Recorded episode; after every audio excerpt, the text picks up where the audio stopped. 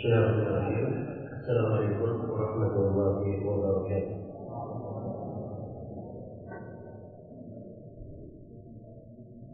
إن الحمد لله نحمده ونستعينه ونستغفره ونعوذ بالله من شرور أنفسنا وسيئات أعمالنا من يهده الله فلا مضل له ومن يضلل فلا هادي له أشهد أن لا إله إلا الله له وأشهد أن محمدا عبده ورسوله. يا أيها الذين آمنوا اتقوا الله حق تقاته ولا تموتن إلا وأنتم مسلمون.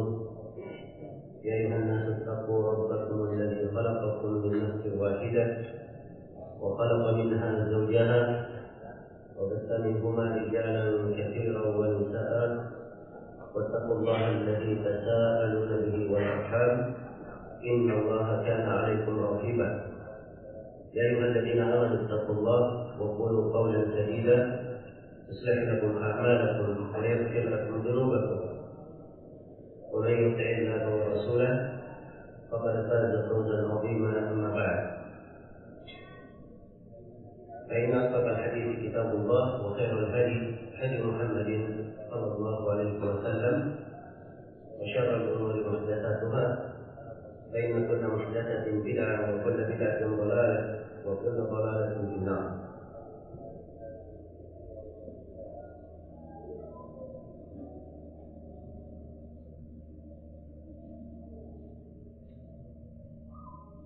Sesi yang kelima dari kajian kita ini tafsir surat-surat pendek dari An-Nas kita insya Allah akan memasuki pembahasan surah Al-Bayyinah.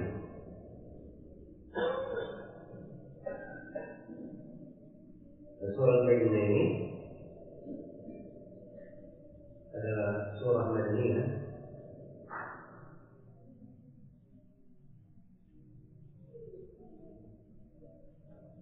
dari delapan ayat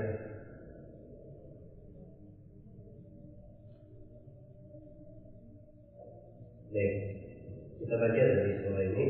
Alhamdulillah minasyaitonir Bismillahirrahmanirrahim. Lam yakun alladziina kafaru min ahli al-kitab wal musyrikin munfakin hatta ta'tiyahum bayyinah. Ini ayat yang pertama dari surah yang agung ini لم يكن الذين كفروا من أهل الكتاب والمشركين orang kafir dari ahli kitab dan kaum musyrikin tidak akan bahasa dalam yakut tidak akan mufakina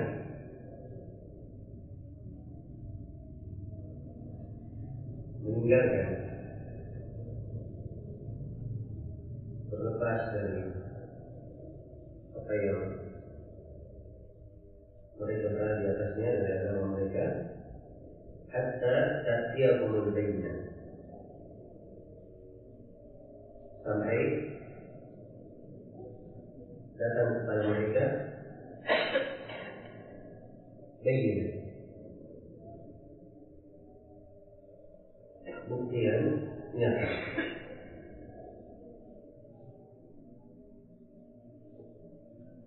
Dikatakan lam yakun alladziina kafaru orang kafir itu cakupannya luas. Ada kufar ahlul kitab dan ada selain ahlul kitab. Ini disebutkan dua ahlul kitab. Ahlul kitab maksudnya Yahudi dan Nasara. Ada sebagian yang menghitung ahli kitab orang-orang majusi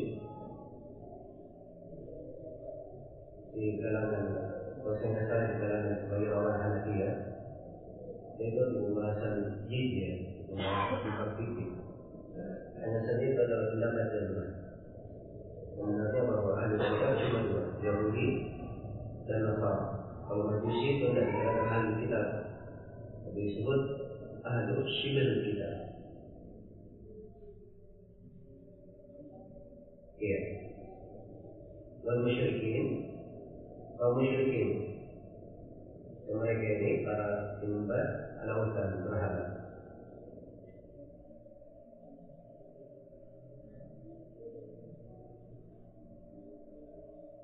Jadi orang-orang kafir dari kalangan ahli kitab dan kaum musyrikin itu tidak akan memfakina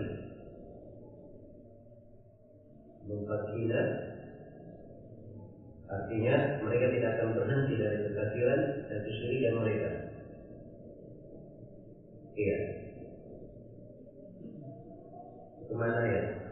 Kalau secara bahasa memfakina itu bermana zahiri mufakirin mereka hilang dari situ berpisah darinya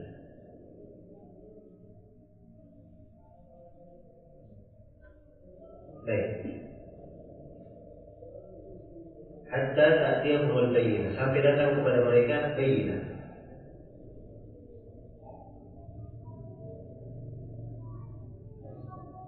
Sampai kepada mereka sampai datang kepada mereka bayyinah. Sini lafaznya ta'tiyah fi'il mudhari mustaqbal tapi maknanya bermana ma'u. Ya maksudnya hatta atatul bayyinah. Dan bayyinah artinya hujjah al-wadihah. Hujjah yang tegas, yang terang. Iya.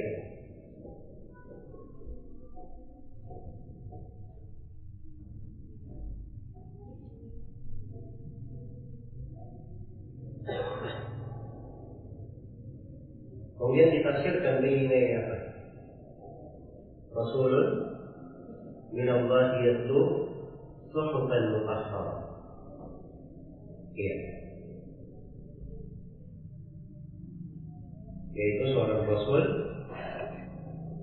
dari Allah yatlu dan dia selalu mentilawah membaca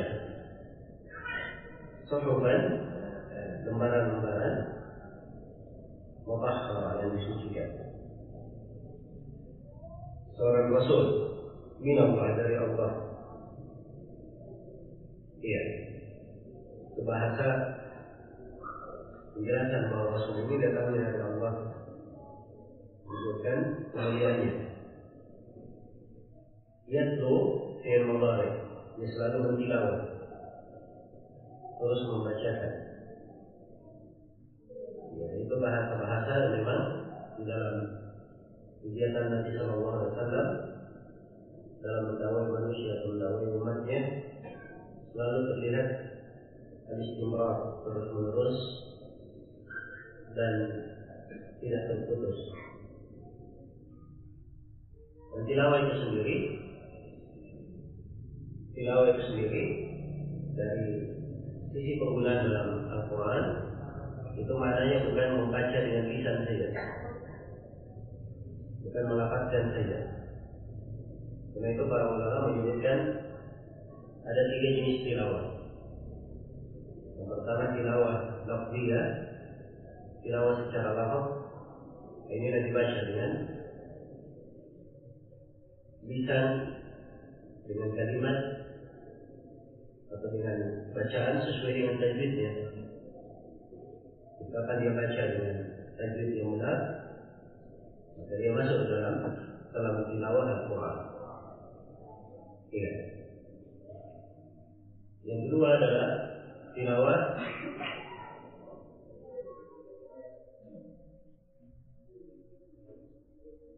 Yang kedua adalah tilawah ma'nawiyah yang membaca dari sisi memperhatikan maknanya tadabbur terhadap kandungannya dan tilawah yang ketiga adalah tilawah hukmiyah dia membaca Al-Quran itu untuk mengamalkan hukum-hukumnya. Itu dia terapkan dari hukum-hukumnya. Yang orang yang lengkap di atas tiga jenis tilawah ini, ini yang disebut di dalam firman Allah Subhanahu wa taala, "Alladzina atainahumul kitaba yatlunahu haqqa tilawati." Mereka yang diberi Alkitab dan mereka membacanya, mentilawahnya dengan sebenar-benar tilawah. Iya. Jadi Nabi Shallallahu Alaihi Wasallam mentilawah, bukan sekedar membacakan. Ya, maklum ya bahwa Nabi membacakan Al-Quran itu kepada para sahabatnya. Dan mereka membaca dengan beberapa bacaan sebagaimana diturunkan di Al-Quran itu. Selain daripada bacaan secara lafaz, Nabi Shallallahu Alaihi Wasallam juga di dalam berbagai hadisnya, berbagai sirah kehidupannya itu menjelaskan Al-Quran kepada para sahabatnya. Karena itu tafsir-tafsir para sahabat yang ada itu mereka dapatkan dari Nabi Shallallahu Alaihi Wasallam atau dari para sahabat yang lainnya berasal dari Rasulullah Shallallahu Alaihi Wasallam. Iya. Bagaimana Nabi Shallallahu Alaihi Wasallam adalah orang yang paling baik di dalam mengamalkan Al-Quran. Yaitu ketika Aisyah ditanya tentang akhlak Rasulullah Wasallam, beliau berkata, "Kana khuluquhu Al-Quran." Adalah akhlak Rasulullah Wasallam itu Al-Quran. Itu pengamalan beliau. Yaitu mentilawah suhuban, suhuban lembaran-lembaran ya. Yang maksudnya di sini kutuban, buku-buku, tulisan-tulisan. Iya.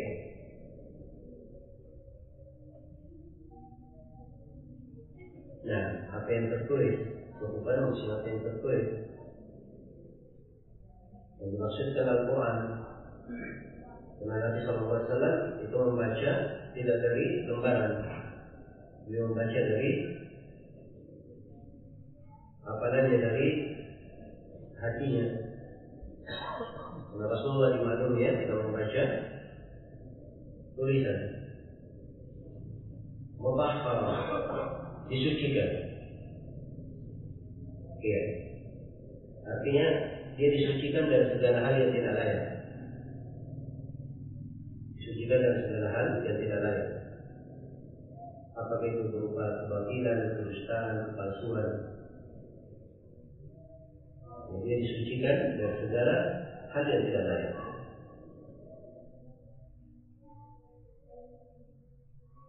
Kemudian dikatakan fiha tutubun tayyibah. Padanya jadi pada suhu tersebut pada Al-Quran itu ada kutubun kutubun jamak kitab ya dan maksudnya kitab di situ al maktub jadi masdar bermana maf'ul bermana maf'ul dan di dalam bahasa Arab jadi kutubun artinya pada Al-Quran itu pada suhu itu ada ayat-ayat dan hukum-hukum yang tertulis padanya. Qayyimah. Qayyimah artinya mustaqimah. Dia tidak bengkok. Tidak ada miringnya, tidak ada bengkoknya. Adil. Iya. Qayyimah. Kemudian di ayat yang keempat, wa ma tafarraqa alladziina utul kitaba illa min ba'di ma ja'atuhumul bayyinah. Iya. Dan tidaklah berpecah dan tidaklah berpecah belah orang-orang yang diberikan Alkitab kepada mereka melainkan sesudah datang kepada mereka al-bayyinah bukti yang nyata.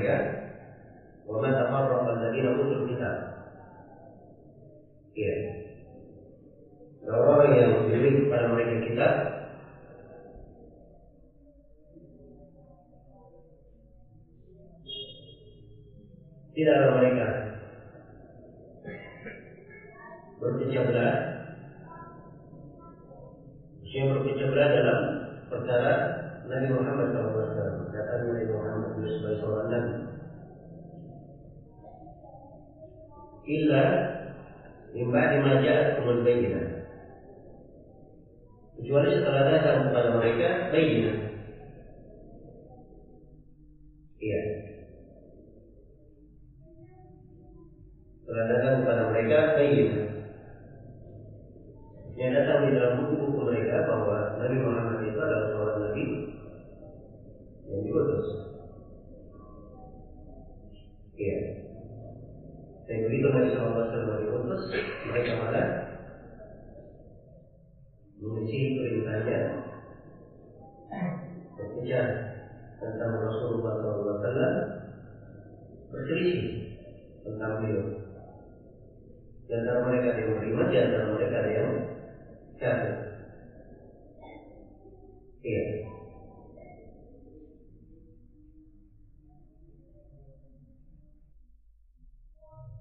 وما تفرق الذين أوتوا الكتاب إلا من بعد ما جاءتهم البينة.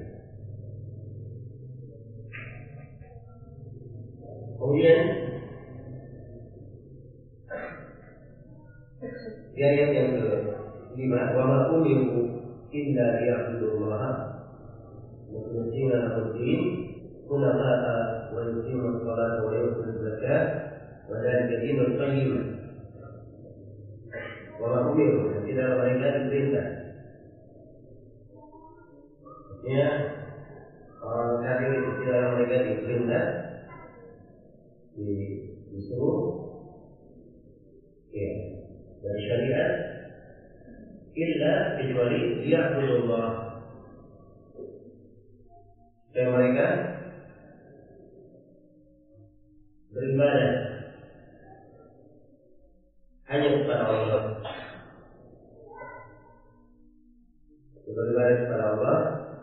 Mukhlishina lahu din. Dengan mengikhlaskan agama. Hanya untuknya. Ikhlaskan ibadah hanya untuknya. Iya. Jadi mukhlisin lahuddin mengikhlaskan agama maksudnya mengikhlaskan ibadah. Mengikhlaskan ibadah.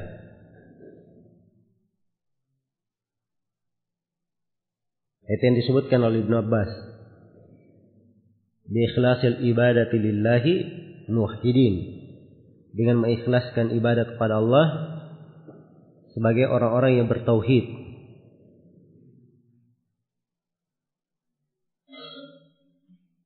Hunafa.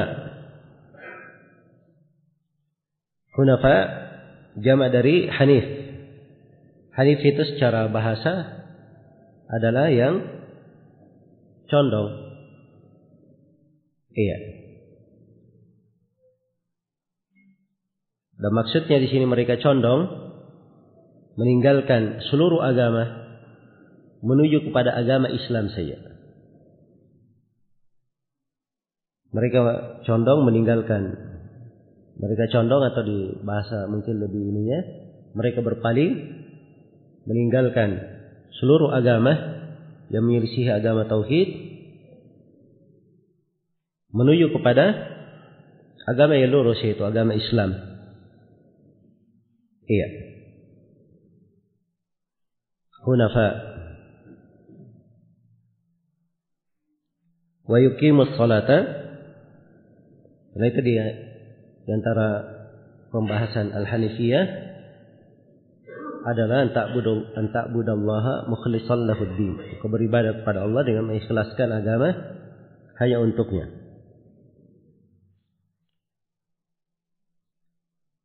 Kemudian digandengkan dengannya dua ibadah yang agung. Wa yuqimus salata wa yu'tuz zakah. Dan mereka menegakkan salat Maksudnya salat salat lima waktu. Memperhatikan bahasanya wa yuqimu menegakkan bukan melaksanakan. Sebab penegakan itu artinya dikerjakan sholat itu pada waktunya, pada tempatnya, dikerjakan dengan melaksanakan rukun-rukun dan kewajiban-kewajibannya. Nah, itu iqamah, sebab dia luruskan, dia tegakkan.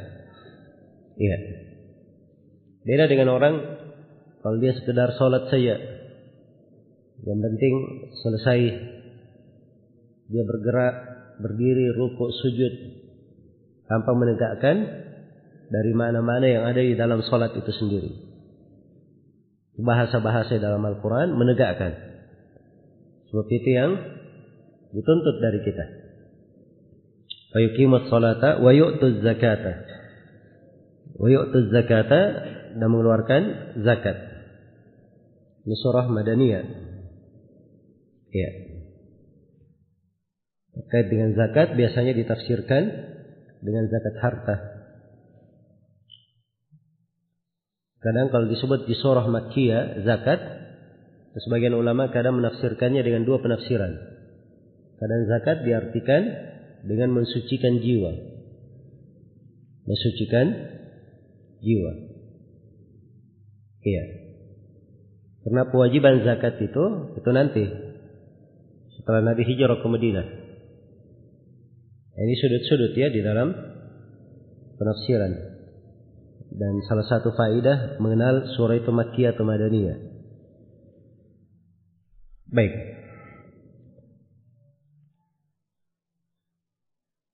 Wadalika dinul qayyimah. Wadalika dalika kembali kepada apa? Tauhid, ikhlas dalam agama, salat dan zakat. Itulah dinul qayyimah. Itulah agama yang lurus. Ya, maksudnya agama syariat yang lurus yang mengantar kepada sorga. Yang mengantar kepada sorga.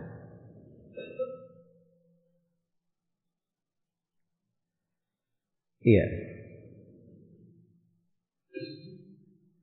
Qayyimah itu jama dari qayyim. Qayyim dengan Al-Qaim itu mananya sama. Iya. Jadi kalau dikatakan dinul qayyimah, kata Al-Baghawi, itu artinya wadhalika dinul qaimina lillahi bitauhid. Adalah agama orang-orang yang qaimina lillah berdiri karena Allah untuk mentauhidkannya. Baik.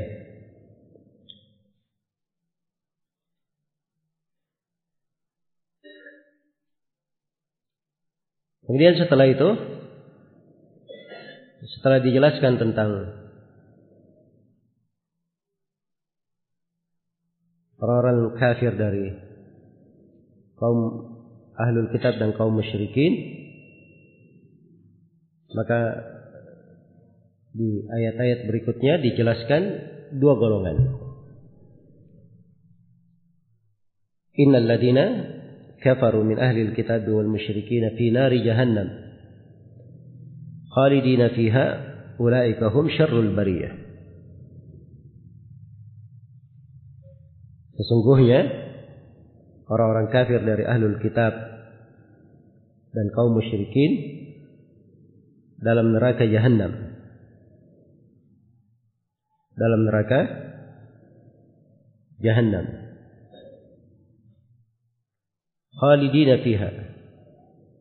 Mereka kekal di dalamnya selama-lamanya. Mereka kekal di dalamnya. Ulaika hum syarrul bariyah. Mereka inilah syarrul bariyah, sejelek-jelek makhluk. Iya.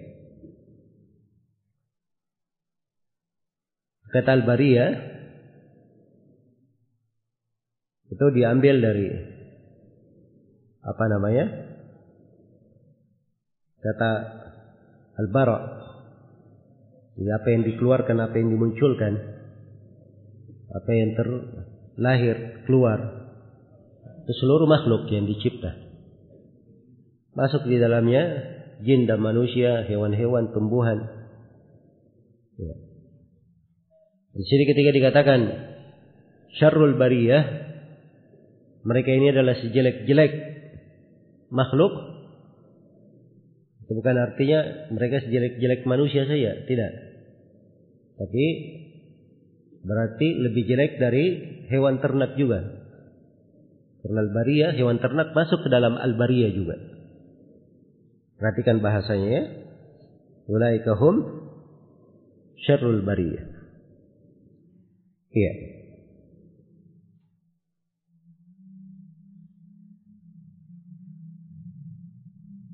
Kemudian di ayat yang terakhir atau di ayat yang keberapa? Yang ketujuh.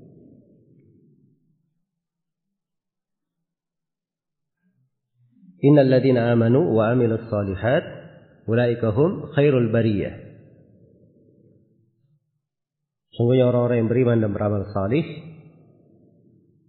mereka ini adalah sebaik-baik makhluk. Mereka beriman, beramal salih, beribadah kepada Allah, mengenalnya dan melakukan ketaatan. Nah, mereka ini yang beruntung di dunia dan di akhirat. Dikatakan di sini khairul bariyah. Sebaik-baik bariyah. Nah, sebutkan ayat setelahnya penjelasan tentang kemuliaan untuk mereka. Jazaohum inda rabbihim jannatu adnin tajri min tahtiha al-anharu khalidina fiha abada radiyallahu anhum wa radu anhu. Dzalika liman khasyiya rabbah. Balasan untuk mereka.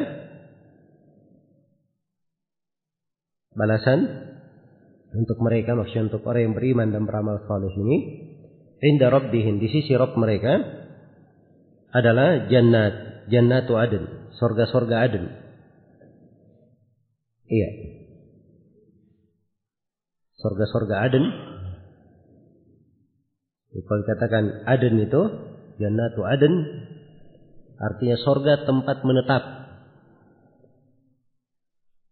iya surga tempat menetap sorga yang dia bermukim di situ. Tidak berpindah darinya. Itu mana adn. Iya. Itu bahasa jannatu adn, dia tetap di situ, tidak berpindah di situ, dia tidak akan cari lagi yang lain. Tidak cari lagi yang lain. Surga Aden ini bagaimana? Tajri min tahtihal anharu. Mengalir di bawah-bawah, mengalir sungai-sungai di bawahnya. Ini perlu diperhatikan ya, sering banyak yang salah baca di sini. Kadang sebagian orang kalau dia baca nafasnya habis, dia baca begini, jazaohum inda rabbihim jannatu adnin tajri. Berhenti di tajri itu keliru. So, kalau dia bilang berhenti begitu, artinya mengalir itu apa? Sorga-sorga yang mengalir. Padahal ayat tidak seperti itu, yang mengalir itu sungai-sungai. Ya, kalau napasnya nggak nggak panjang, jangan berhenti di tajri. Ya, misalnya dia berhenti jazaohum inda rabbihim jannatu adn Begitu dia berhenti. Atau jannatu adnin tajri min tahtihal anhar. Berhenti di situ supaya pas maknanya. Jelas ya? Itu berhenti-berhenti itu punya apa namanya? Hukum-hukum. Ya, dan orang fikihnya ketika membaca Al-Qur'an itu terlihat dari ketika dia membaca di mana dia berhenti. Itu kelihatan dia paham yang dia baca atau tidak. Nah. Baik. Jadi jannatu aden, sorga-sorga aden, tempat menetap. Tajiri min tahtihal anhar, mengalir di bawahnya sungai-sungai. Dikatakan anhar, sungai. Jama ya sungai itu. Karena di sorga itu ada apa?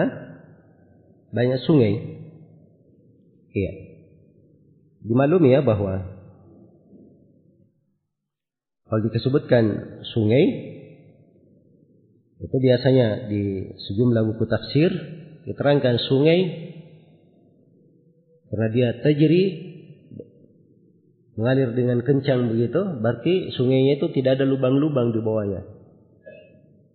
Kalau ada lubang-lubang kan biasanya lambat air sungai itu.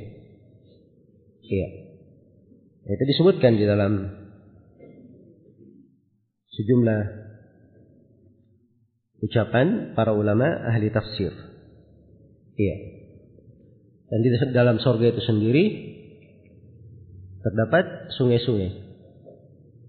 Misalnya di surah Muhammad dikatakan masalul jannatil lati wa'idal muttaqun fiha anhar. Padanya ada sungai-sungai. Perumpamaan sorga yang disiapkan untuk orang yang bertakwa. Ada anharun mimma'in gairi asin. Dari sungai-sungai yang berasal dari air yang gairi asin. Maksudnya air yang tidak berubah rasanya dan baunya. Rasa dan baunya itu terus seperti itu, tidak berubah. Beda dengan air ya yang kita di dunia ini air apa pun kalau disimpan lama itu berubah. Ada perubahan mungkin dari sisi warna, bau atau rasa. Kalau biru as, biru, air, sungai ini ini tidak berubah sama sekali. Ini jenis sungai yang pertama. Sungai yang kedua wa anharun min laban. Ada sungai dari susu, lam yataghayyar ta'muhu. Dan rasanya itu tidak berubah. Kemudian wa anharun min khamrin laddatil lisyaribin. Ada sungai-sungai dari khamar yang lezat rasanya bagi peminumnya. Ya ini khamar cuma nama saja yang sama ya. Hakikatnya berbeda. Iya. Kemudian sungai yang keempat Wan harum min asali musaffa dan sungai-sungai dari madu yang disaring madu murni yang sudah disaring jadi ini beberapa jenis sungai di sorga sebenarnya ayat di surah Muhammad ini kalau dicocokkan dengan beberapa ayat di surah An-Nahl itu kelihatan mana-mana yang lebih indah. Iya. Terkait dengan kehidupan dunia dan apa yang akan didapatkan di akhirat. Ya, saya isyaratkan karena ini di luar pembahasan kita ya. Kita ingin fokus di pembahasan. Saya begitu lewat sungai, kita jelaskan makna sungainya. Khalidina fiha abada. Mereka kekal fiha di dalamnya di dalam surga itu abadan selama-lamanya iya radhiyallahu anhum wa radu an Allah ridha kepada mereka dan mereka ridha kepada Allah Subhanahu wa taala iya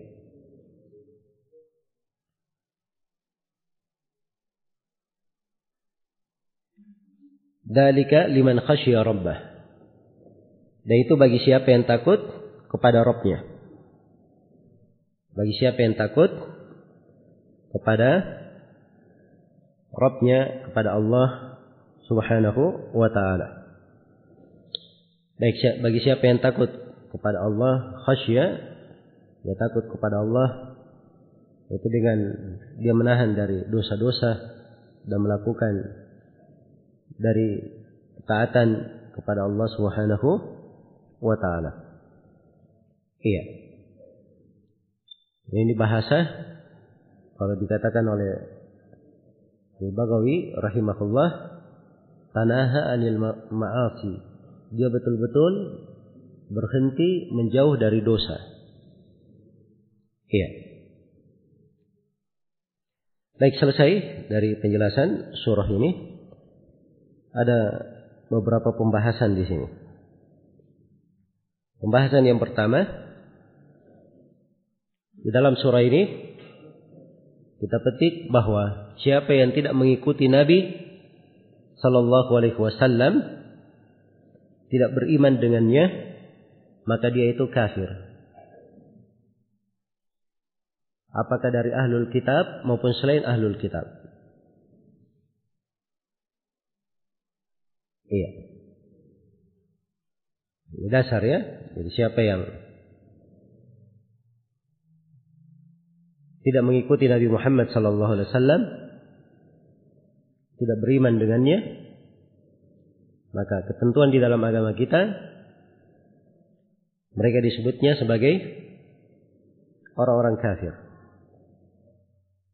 Iya. Karena itu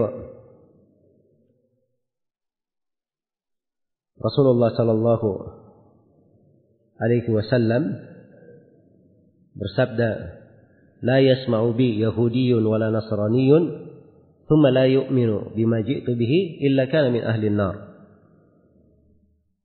Tidak ada seorang pun yang mendengar saya diutus dari Yahudi maupun dari Nasara, kemudian dia tidak beriman dengan apa yang aku bawa, kecuali dia tergolong kepada penghuni neraka.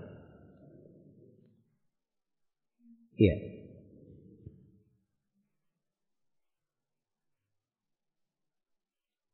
Baik. Kemudian yang kedua, terdapat bahwa ahlul kitab dan kaum musyrikin disebut kufar dengan nama kafir. Iya. Ini belakangan banyak orang-orang aneh ya. Banyak orang-orang yang aneh. Penyebutan kaum musyrikin, ahlul kitab itu kafir, itu bahasa dipakai dalam Al-Quran. Penegasan. Al-Quran itu yang paling jujur bahasanya, yang paling rahmat bahasanya dan paling lembut. Maka menyebut mereka yang non-muslim sebagai kafir itu adalah suatu hal yang berjalan di dalam syariat. Yaitu bagian dari agama kita. Ya, sebagian orang Kadang waliyadzubillah menganggap semua agama itu sama. Iya. Ada lagi belakangan yang menganggap menggunakan kalimat kafir itu katanya tidak menjaga kebersamaan. Ini semuanya keluar dari pemahaman-pemahaman orang yang tidak paham agama, tidak mengenal Islam. Ya. Dalam Islam itu ditegaskan keyakinan jelas. Beda antara yang hak dan yang batil, antara kafir dan mukmin, antara tauhid dan syirik, antara sunnah dan bid'ah. Jelas di dalam agama. Nah, umat Islam dari dahulu dari masa Nabi menyebut orang-orang Yahudi kafir. Tapi mereka juga hidup di masa Nabi dulu di bawah, di bawah wilayah perlindungan Nabi. Karena hukum-hukum berinteraksi dengan orang kafir itu ada di dalam agama. Jadi jangan dicampur adukkan antara hukum-hukum yang terkait dengan dunia, interaksi muamalah, dengan hal yang terkait dengan keyakinan dan agama. Keyakinan itu adalah suatu hal yang selalu dijaga, tidak bisa diganggu gugat. Adapun terkait dengan interaksi, ya. kalau dia adalah kafir, tinggal di dalam sebuah negeri, dilindungi oleh pemerintah, maka dia adalah kafir dimi. Kalau penduduk negeri itu, dia masuk dalam penduduk negeri, itu tidak boleh disakiti. Ada hukum interaksi. Tetangga kita saja kalau dia kafir, dia punya hak sebagai tetangga di dalam agama. Dan itu Rasulullah bersabda, "Man kana yu'minu billahi wal yawmil akhir, falyukrim jarahu." Siapa yang beriman kepada Allah dan hari akhirat, hendaknya dia muliakan tetangganya. Iya. Jangankan dalam hidup bermasyarakat bernegara, di dalam perang sekalipun orang-orang kafir itu tetap dijaga dari hak-hak mereka. Kalau misalnya ada pendeta di dalam gerejanya, ada rahib di dalam tempat ibadahnya, itu dilarang dibunuh. Dihukum peperangan Islam. Karena dia tidak ada andil dalam peperangan. Iya. Ada anak kecil, perempuan, tidak boleh dibunuh. Itu semuanya hukum-hukum ada di dalam agama. Jelas ya?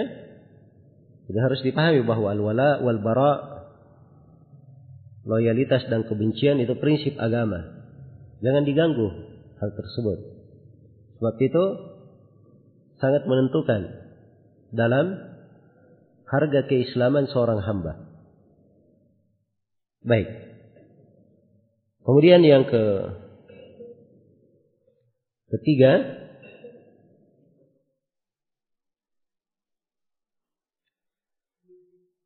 Di sini ada beberapa kalimat ya di dalam surah ini sifat-sifat tentang Al-Quran. Menunjukkan bagaimana kandungan Al-Quran. Dibahasakan Al-Bayyinah, Al-Mutahharah, Al-Qayyimah. Ya, itu sifat Al-Quran. Al-Quran itu bayyinah. Kejelasan yang sangat jelas, sangat terang. Dia mutahhara disucikan Disucikan dari segala hal yang tidak layak.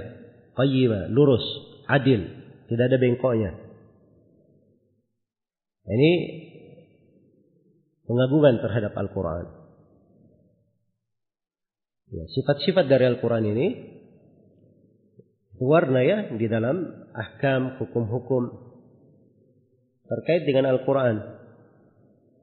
Kalau kita sering mengamatinya, mencermatinya, maka itu menambah pengagungan kita di dalam hati terhadap Al-Quranul Karim. Jadi salah satu cara seorang itu mengagungkan Al-Quran adalah dia memperhatikan bagaimana kebesaran Al-Quran di dalam Al-Quran itu. Sifat-sifatnya. Iya. Baik. Kemudian yang keempat, Di dalam surah ini kita petik bahwa Allah Subhanahu wa taala tidaklah membiarkan manusia di atas kesesatannya bahkan diutus kepada mereka para rasul membawa kebenaran memberi kabar gembira dan memberi peringatan iya memberi kabar gembira dan memberi peringatan Nah dikatakan hatta ta'tiyahumul bayyina rasulun minallah. Jadi sampai datang seorang rasul dari Allah. Iya. Jadi ditegakkan hujah terhadap mereka. Datangkan siapa yang membimbing mereka dan mengajak mereka kepada jalan yang lurus. Wa kunna mu'addibina hatta nab'atha rasula. Kami tidak akan menyiksa, memberikan adab sampai kami mengutus kepada mereka seorang rasul. Iya. Untuk menegakkan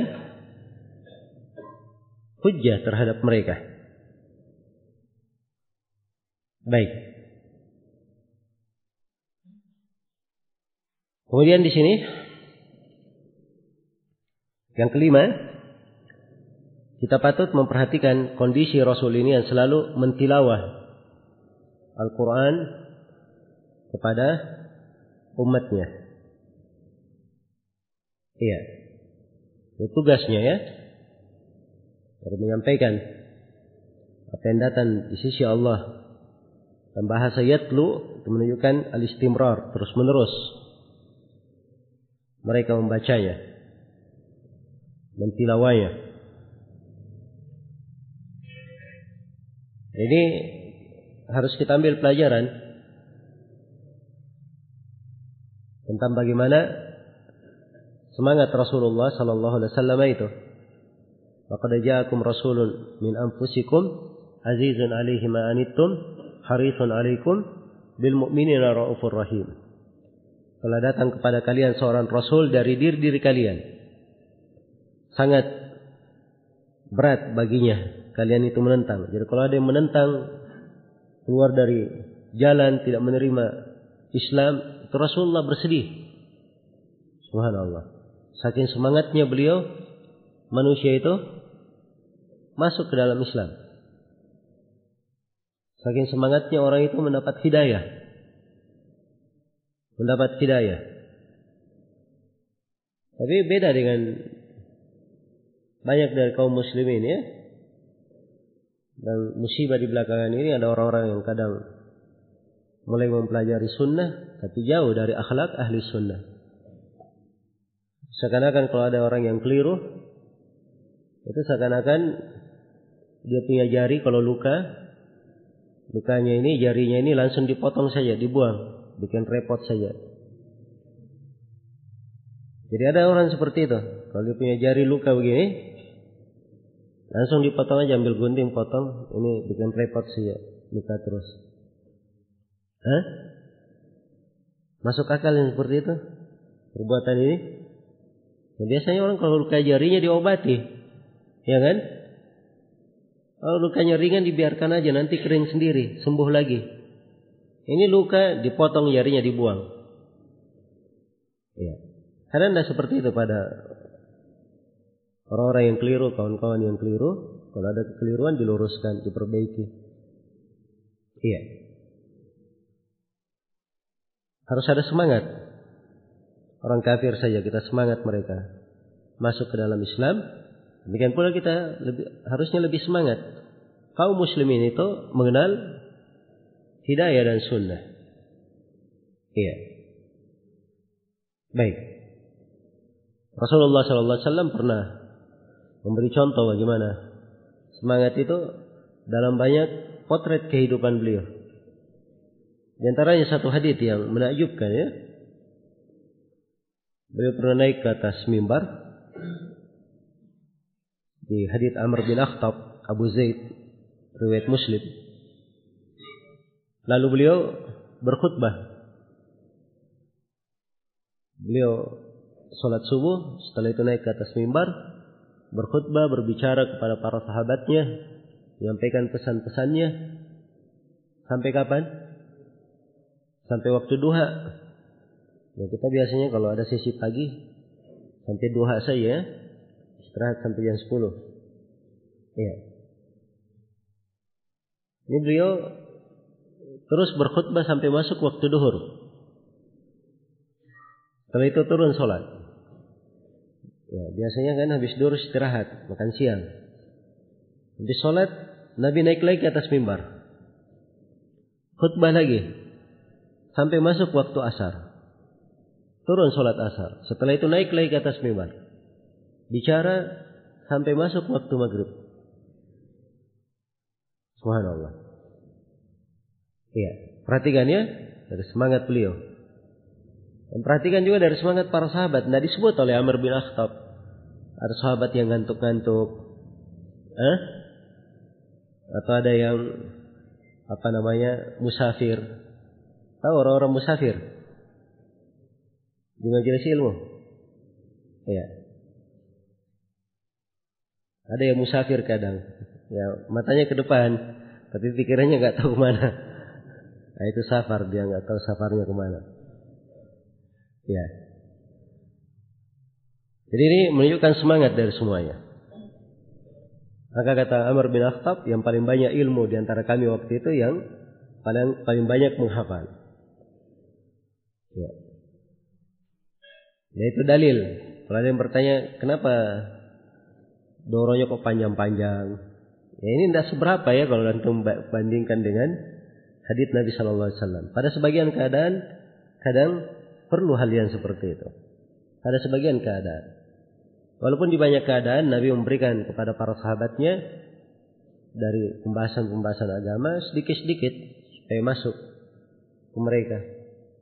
Ada sebagian hadis yang diulangi oleh Nabi berulang kali sampai dihafal oleh puluhan ratusan sahabat yang menghafal saking banyaknya Nabi mengulanginya. Ada sebagian hadis hanya dihafal oleh sebagian sahabat saya. Iya, sebagian sahabat. Nah, jelas ya? Oke, ini semuanya metode-metode di dalam menyampaikan ilmu. Baik. Kemudian yang ke enam terdapat di sini penjelasan cara istiqamah di atas agama. Cara istiqamah di atas agama dan sebab-sebab seorang itu istiqamah. Iya. Ini surah Madaniyah. Biasanya orang sudah mengenal, sudah melewati fase Mekah. Sudah 13 tahun di atas keislaman. Masuk belajar ahkam, fikih. Ada ketentuan di sini terkait dengan istiqamah. Tetap berada di atasnya. Iya. Maka istiqamah itu penting. Karena itu bahasanya di sini al-qayyimah, dinul qayyimah. Agama yang lurus tidak ada bengkoknya, itulah istiqamah. Iya. Dan istiqamah itu banyak sebabnya. Seorang bagaimana bisa istiqamah? Banyak sebabnya. Iya. Sebab yang pertama, perhatikan ya, wa ma umiru, tidaklah mereka diperintah dia berpegang dengan perintah. Perintah datangnya dari Allah dan Rasulnya. Jadi dari syariat yang dia pegang. Selalu di atas pijakan, tuntunan Nabi. Itu yang membuat dia istiqamah. Bukan mengikuti pendapat pribadinya. Bukan mengikuti hawa nafsunya. Bukan pula berdasarkan adat istiadat, kebiasaan manusia. Tapi dia berpijak di atas perintah. Illa liya'budullaha mukhlisin lahuddin. Ibadah itu harus selalu. Dan ciri istiqamah, dia giat dengan ibadah. Menjaga dirinya di atas ibadah. Eh, ini hendaknya dijaga oleh seorang penuntut ilmu. Dia bagus dalam menunaikan ibadah wajibnya dan dia sempurnakan dengan mengerjakan ibadah-ibadah yang disunnahkan. Iya. Ibadah yang disunnahkan. Karena itu kalau dia sudah sampai ke jenjang ibadah yang dia sunnahkan, dia jaga, dia pelihara setelah kewajibannya, maka ini jenjang yang tinggi. Jenjang orang yang sudah bersegera kepada kebaikan. Iya. Karena di dalam Al-Quran disebutkan tiga jenjang orang yang beriman. Thumma Apa namanya?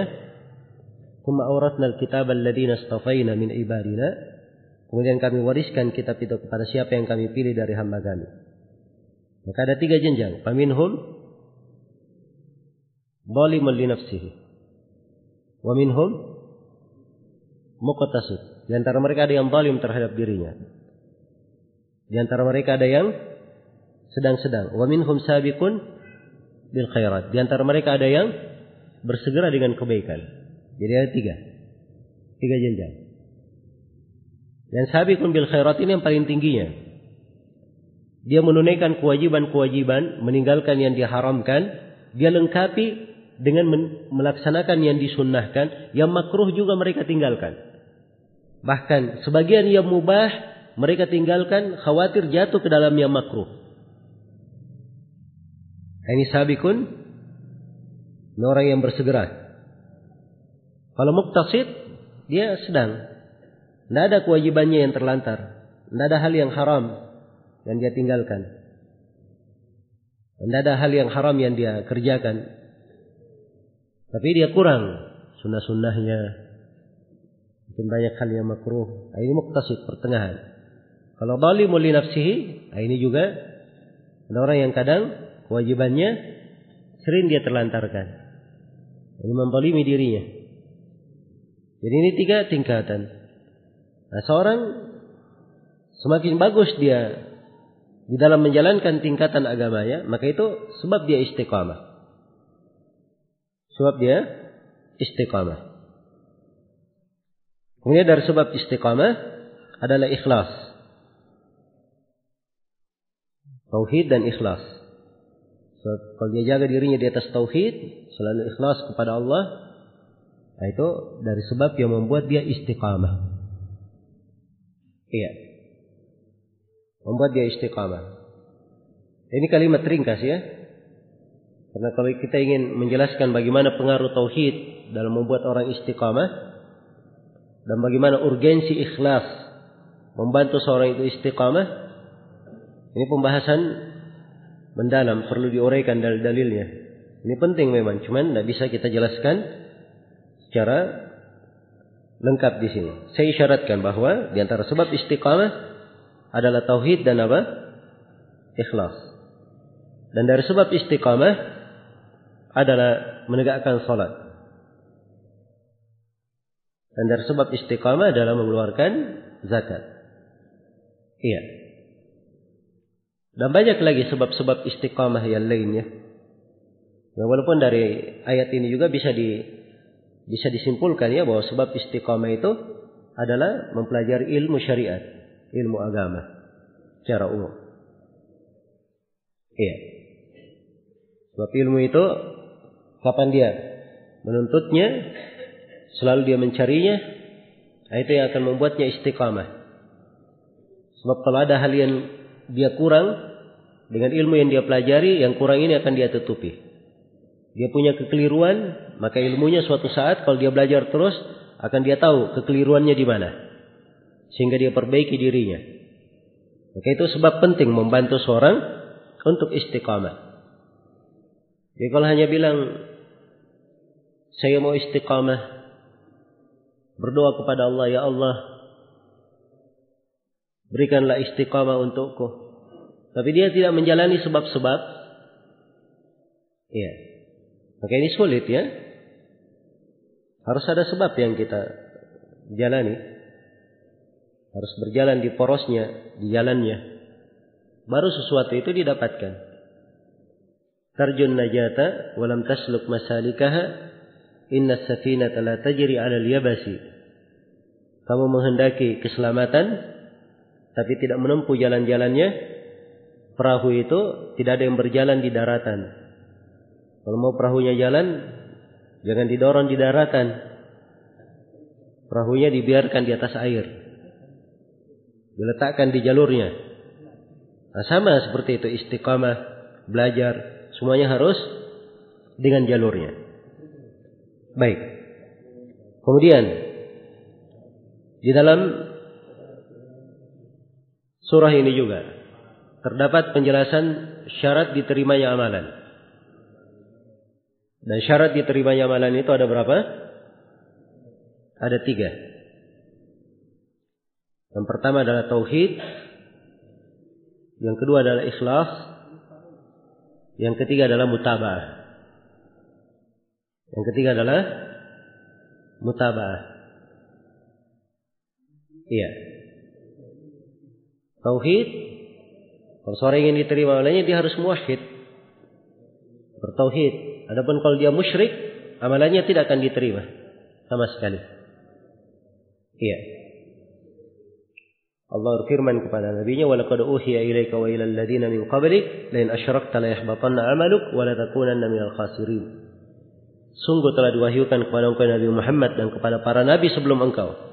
Andai kata engkau berbuat kesyirikan, niscaya akan hancur seluruh amalanmu dan engkau akan menjadi orang yang merugi. Syarat yang kedua adalah ikhlas. Dia lakukan amalan itu semata karena Allah. Tidak ada ria. Tidak ada kesyirikan. Bukan mencari sanjungan, pujian, dan wajah manusia. Tapi semata dia kerjakan karena Allah Subhanahu wa taala. Ikhlas. Syarat yang ketiga, dia melakukan hal tersebut, amalan itu dikerjakan sesuai dengan sunnah Nabi. Sebab kapan tidak sesuai dengan sunnah Nabi, maka amalannya tidak akan diterima. Man amila amalan laisa alaihi amruna fahuwa raddun. Siapa yang beramal dengan sebuah amalan tidak dibangun di atas tuntunan kami, maka amalan itu adalah amalan yang ditolak, tidak diterima. Iya. Ini lengkapnya ya, syarat diterimanya amalan. Dikatakan ada tiga. Sebagian ulama ada yang membahasakan dua. Iya. Jangan dikatakan sama ya. Sebenarnya tidak sama. Sebab ikhlas itu beda dengan tauhid.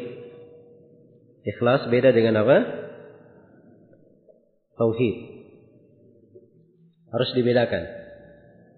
Kalau misalnya ada orang yang sholat, Masya Allah dia ikhlas dalam sholatnya hanya untuk Allah. Dia menangis. Ya. Khusyuk. Lengkap semuanya. Sholatnya. Kemudian dia sholat sesuai dengan sunnah Nabi. Dari takbiratul ihram hingga salamnya. Tapi orang ini kebiasaannya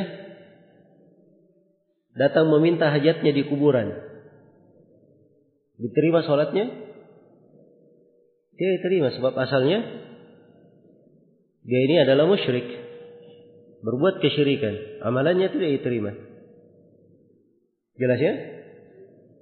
Jadi tidak cukup dikatakan ikhlas dan mutaba'ah saja. Harus ada syarat benarnya tauhid. Iya, ini yang ditakrir oleh Syekh Syukhina Syekh Muhammad Amin Asy-Syinkiti rahimahullahu taala di dalam kitabnya Adwa Al-Bayan. Di tafsir ayat di akhir surah Al-Kahfi. Iya. Ayat di surah Al-Kahfi. Faman kana yarju liqa'a rabbih falyamal amalan salihan wa la yusyrik bi ibadati rabbih ahada. Di situ beliau terangkan tiga syarat dengan kalimat yang bagus. Iya. Baik. Kemudian di dalam surah ini juga terdapat penjelasan Al-Hanifiyah dan Dinul Haq. Al-Hanifiyah ini ini agama Nabi Ibrahim, itu agama tauhid. Iya. Itulah agama yang Nabi Ibrahim berada di atasnya kita diperintah untuk mengikutinya. Thumma auhayna ilaika an ittabi' millata Ibrahim hanifa. Kemudian kami wahyukan kepada engkau Nabi Muhammad untuk mengikuti agama Nabi Ibrahim yang hanif. Nah, hanifiyah itu adalah anta'budallaha mukhlishan lahuddin. Engkau beribadah kepada Allah, dia mengikhlaskan agama hanya untuknya. Sebagaimana prinsip Nabi Ibrahim, wa qala Ibrahim li abihi wa qaumihi innani bara innani bara'un mimma ta'budun illa alladhi fatarani fa innahu sayahdin. Ketika Nabi Ibrahim berkata kepada ayah dan kaumnya. Sesungguhnya saya berlepas diri dari apa yang kalian ibadahi. Kecuali Allah yang menciptakanku. Allah akan memberi hidayah kepadaku. Jadi dia tegaskan berlepas diri memusuhi segala kesyirikan ibadat kepada selain Allah dan beliau tegaskan beliau hanya beribadah kepada Allah semata. Itulah al-hanifiyah dan terdapat juga penjelasan tentang dinul haq, agama yang lurus itu apa? Iya, agama yang lurus itu apa? Agama yang lurus itu mencakup al-hanifiyah dan mencakup penegakan seluruh syariat di dalam agama. Iya. Seluruh syariat di dalam agama. Mungkin ada yang bertanya di sini, kenapa tidak disebutkan puasa dan haji hanya disebut sholat dan zakat saja? Jawabannya iya. Haji itu pensyariatannya belakangan. Mungkin saja ayat ini turun sebelum ada syariat apa? Haji. Demikian pula terkait dengan masalah puasa. Mungkin saja ini ayat di awal-awal kedatangan di kota Medina. Jadi itu tidak bertentangan ya. Sepanjang ada ayat lain yang menjelaskan itu sudah cukup. Kemudian di dalam surah ini pula terdapat bahwa amalan itu masuk di dalam keimanan. Amalan masuk di dalam apa? Keimanan. Dan ini ayat dijadikan dalil oleh Imam Al-Bukhari bahwa amalan-amalan masuk di dalam bagian keimanan. Yaitu bantahan terhadap kelompok murjiah yang mengeluarkan amalan dari apa? Dari keimanan. Baik. Kemudian di dalam ayat di dalam surah ini pula terdapat pembahasan pembahasan yang ke-10 peringatan tentang bahayanya mengikuti jejak umat-umat terdahulu. Dalam hal perpecahan dan perselisihan. Perpecahan orang-orang ahlul kitab mereka berpecah berselisih. Kita diingatkan. Jangan sampai mengikuti jejak mereka. Diterangkan. Apalagi ini di fase Medina ya, ayatnya Madaniyah. Surahnya Madaniyah. Iya.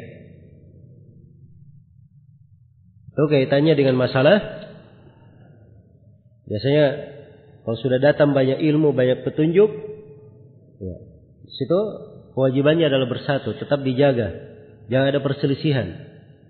Jangan sampai mengikuti ahlul kitab setelah sampai kepada mereka kejelasan baru mereka berselisih. Jadi peringatan dari bahaya tafarruq dan ikhtilaf. Wala takunu minal musyrikin minal ladina farraqu dinahum wa kanu syi'a. Jangan kalian seperti kaum musyrikin dari orang-orang yang memecah belah agamanya sehingga mereka berkelompok-kelompok. Iya. Dan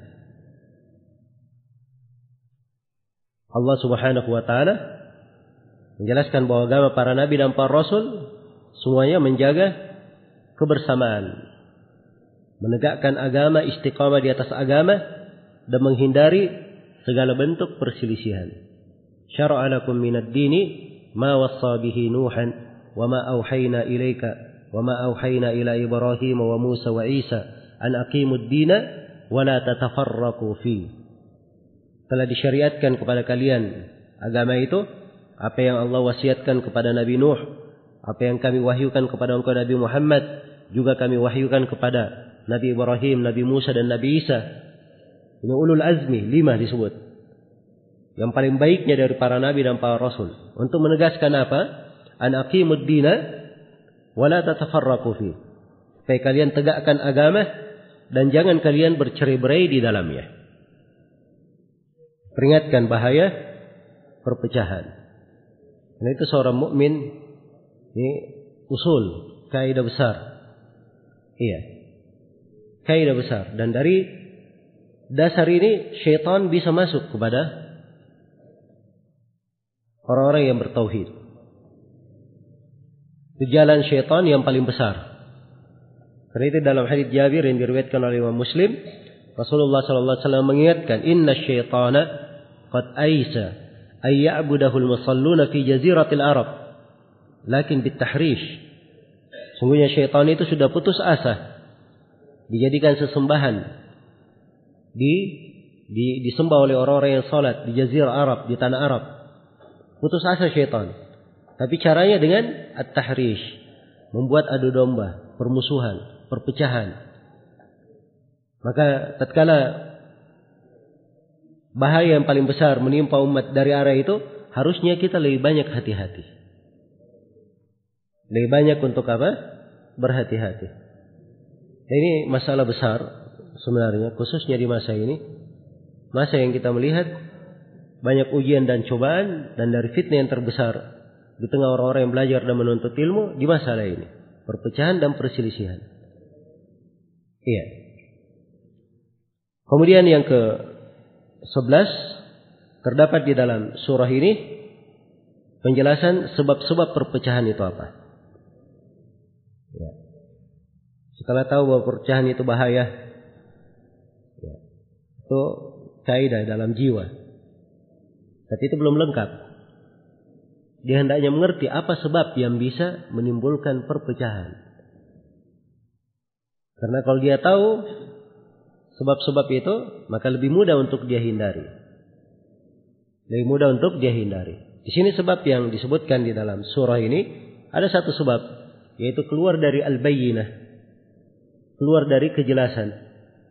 Kapan dia keluar dari petunjuk yang jelas, keluar dari Al-Qur'an, keluar dari sunnah Nabi sallallahu alaihi wasallam, ya keluar dari jalan as-salaf. Maka itu adalah sebab terjadinya perpecahan. Iya. Dari sebab terjadinya perpecahan. Dan ini satu pembahasan penting ya.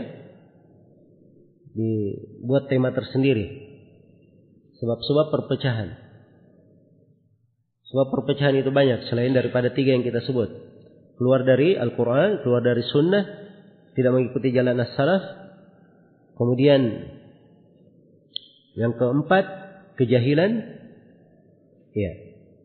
Jauh dari yang kelima jauh dari para ulama. Yang keenam dosa dan maksiat. Yang ketujuh kawan-kawan duduk yang apa namanya yang jelek. Ya. Kemudian yang ke delapan mengikuti hawa nafsu. Nah.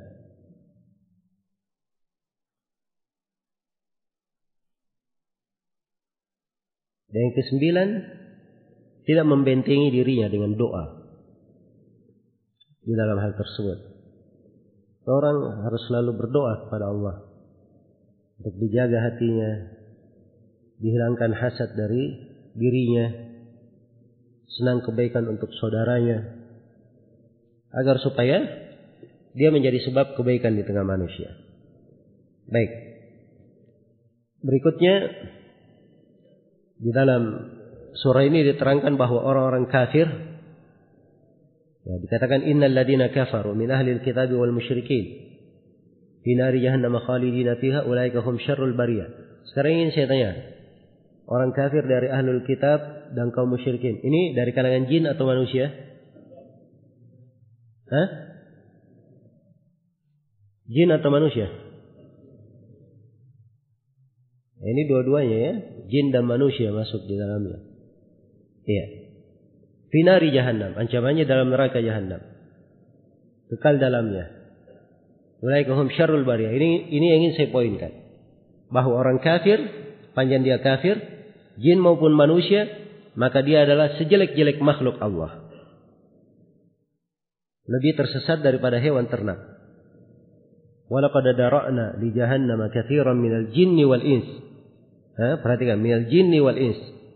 Lahum qulubun la yafqahuna biha wa lahum a'yunun la yubsiruna biha wa lahum adanun la yasma'una biha. Ulaika kal an'ami bal hum adall. Ulaika humul ghafilun. Sungguh kami telah penuhi neraka jahanam banyak dari jin dan manusia.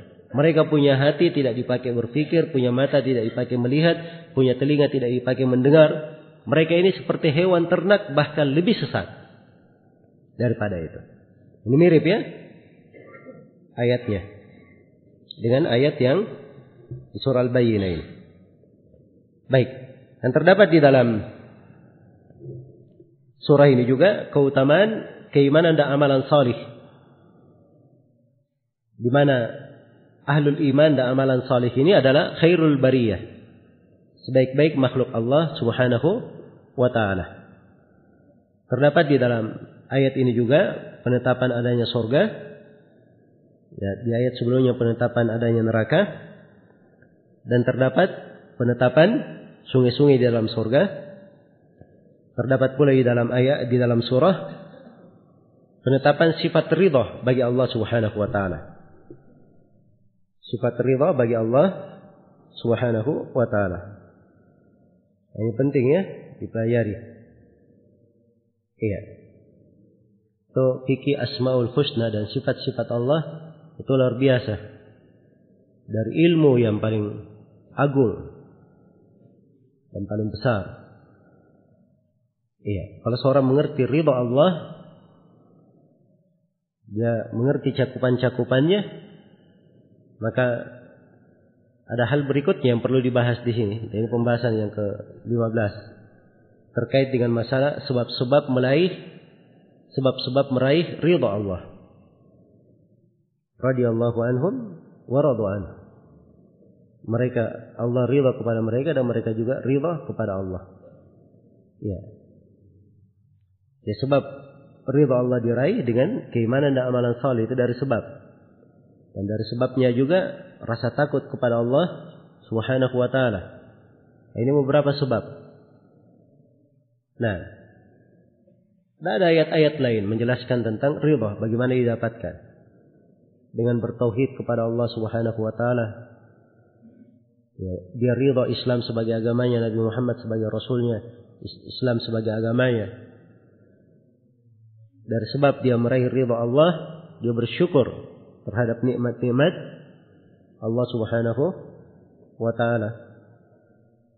Dan dari sebab dia meraih ridha Allah, dia mengikuti jalannya para sahabat Rasulullah sallallahu alaihi wasallam. Mengikuti jalan as-salaf. Iya. Baik.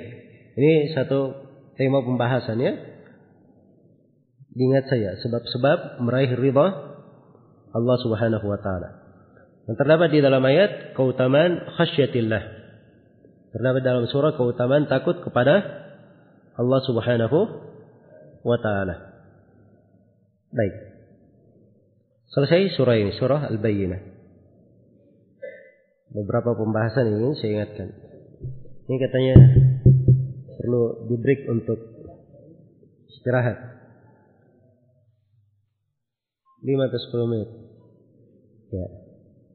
Tidak apa-apa saya baca pertanyaan, antum sambil makan minum, ada masalah. Dibagikan aja kalau ada snacknya apa, dibagikan aja. Saya beri waktu. Sampai jarum di angka 10.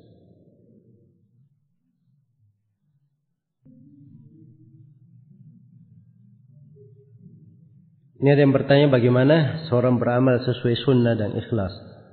Tetapi masih syirik kecil.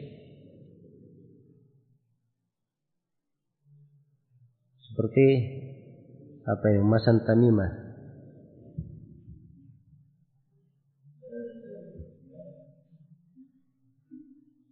tidak jelas tulisannya ya.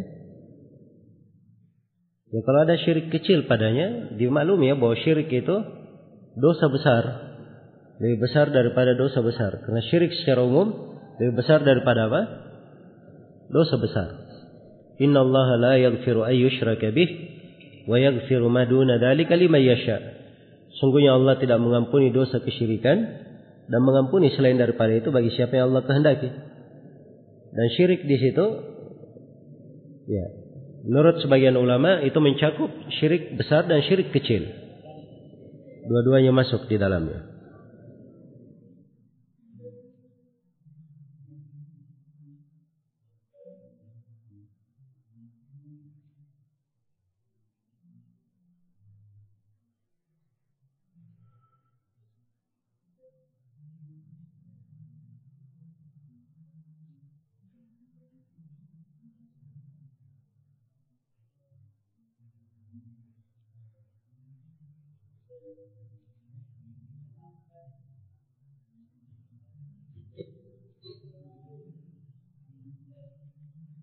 Ini ada yang bertanya mengapa di dalam Al-Quran kadang didahulukan penyebutan dunia daripada akhirat.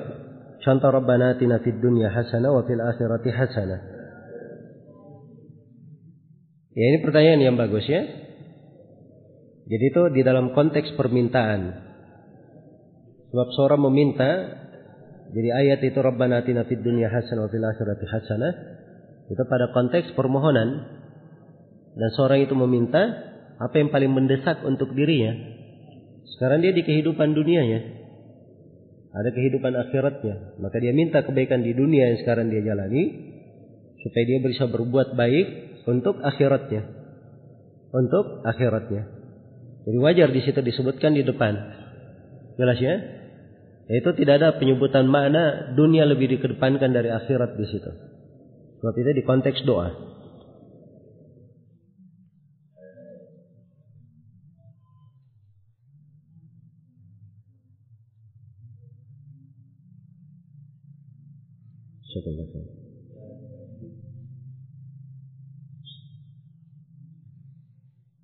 Ini ada yang bertanya bagaimana hukum foto, gambar, dan video. Karena ada sebagian kawan kita yang melarang keras, kecuali dalam keadaan darurat. Kalau foto ya benar ya. Kalau foto. Karena foto itu dia sesuatu yang tetap, tidak berubah. Iya. Dan memang itu adalah hal yang diharamkan. Hal yang diharamkan. Kecuali pada hal yang darurat, seperti misalnya untuk KTP atau paspor atau hal-hal yang semisal dengannya. Tapi kalau terkait dengan masalah uh, sesuatu yang sifatnya ditayangkan secara langsung, maka itu menurut Syekh Shalal Fauzan adalah penukilan. Nakal. Dan beliau juga berpendapat bahwa kalau diambil video direkam itu kalau di sebatas ukuran dia tampil setelah itu hilang, maka itu nggak ada masalah. Tampil kemudian hilang. Nah itu semuanya di dalam kategori pada hal-hal yang ada manfaatnya. Perkara yang diperlukan oleh manusia. Iya. Itu hendaknya diperhatikan ya, sebab banyak orang bergampangan. Ya. Ada orang yang salah paham. Banyak yang salah paham. Jadi kiranya para masyayikh yang ada videonya, ada ini, itu membolehkan dirinya foto-foto. Ya. Sampai ada yang kerjanya silti saja. Masya Allah. Ini caranya dai memberi contoh silti. Foto-foto sana sini. Ini tidak cocok ya foto itu beda dengan dengan apa? Dengan video itu tadi. Beda dari sisi pembahasannya. Harus dibedakan. Itu diingatkan oleh Syekh Shalal Fauzan terkait dengan sebagian orang yang bergampangan. Kemudian di dalam video juga itu pada batas yang diperlukan hal yang ada manfaat untuk manusia di situ. Iya. Ini kalimat-kalimat terakhir dari Syekh Hafizahullah Ta'ala terkait dengan masalah uh, itu tadi gambar, video, uh, semisal dengan itu. Memang ada fatwa-fatwa beliau sebelumnya yang mungkin berbeda dengan apa yang saya sebut tadi. Tapi itu wajar ya di dalam perkembangan melihat terjadinya hal-hal yang kekinian itu biasa terjadi. Iya. Saya dengar dari kawan-kawan yang sudah lama hadir di majelis Syekh Saleh Fauzan. Dulunya Syekh Saleh Fauzan itu bawa laptop ke masjid saya tidak boleh. Ya. Karena itu berkembang fatwa beliau dalam hal tersebut. Nah, dan kita tidak bertaklid kepada siapa pun, hanya saja mengikuti dalil. Ya, pada hal yang memang sejalan dengan dalil, sesuai dengan maksud dari syariat ini sejalan dengan kaidah-kaidah agama maka insya Allah taala ya, seorang yang mengenal sunnah tidak menolak dari kebenaran.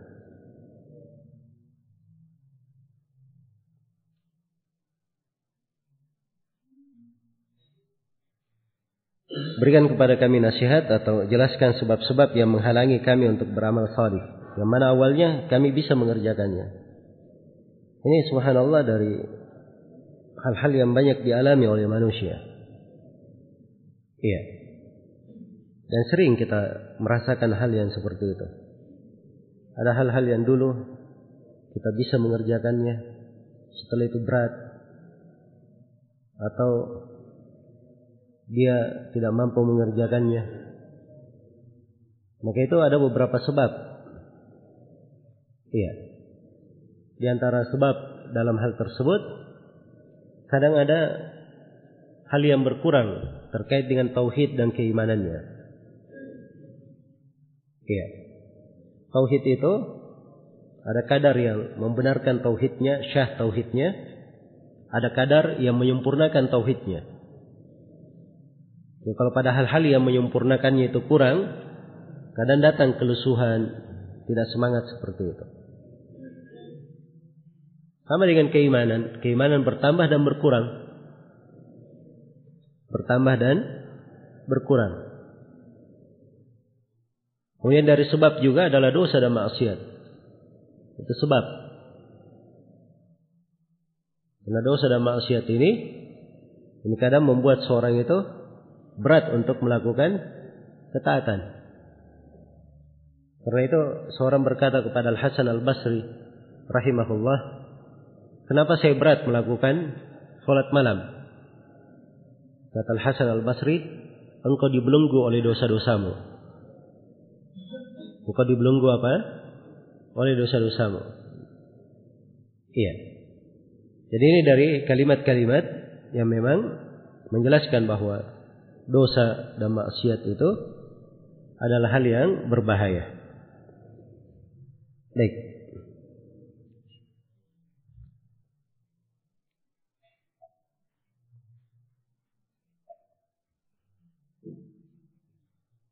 Kita berpindah ke surah berikutnya.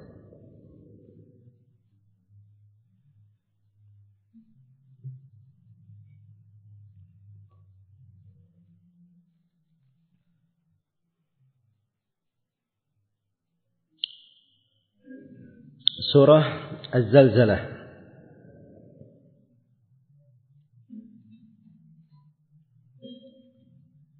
Surah Az-Zalzalah surah Madaniyah. Delapan ayat. Bismillahirrahmanirrahim. Ayat yang pertama, "Idza zulzilatil ardu zilzalaha."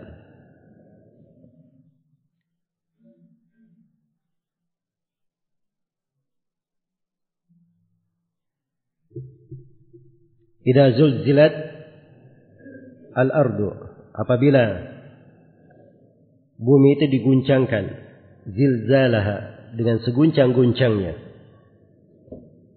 Iya. Jadi apabila bumi itu diguncangkan, digerakkan dengan gerakan yang sangat keras, sangat kuat untuk kebangkitan. Dari mengatakan bahwa zilzal itu itu goncangan dari dasar bumi. Dari dasarnya.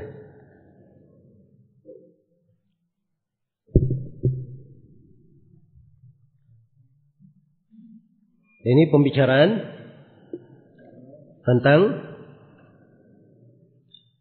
hari kebangkitan, hari kiamat. Iya.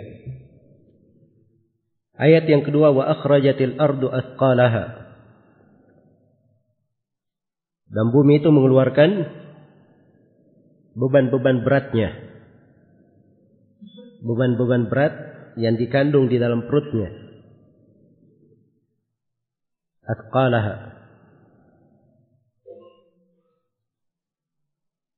Dan ini kata Al-Bagawi rahimahullah mencakup orang-orang yang terkubur di dalamnya yang sudah mati ataupun perbendaharaan-perbendaharaan yang terdapat di dalamnya berupa emas, perak, tambang dan sebagainya itu akan dilemparkan oleh bumi di atas punggungnya.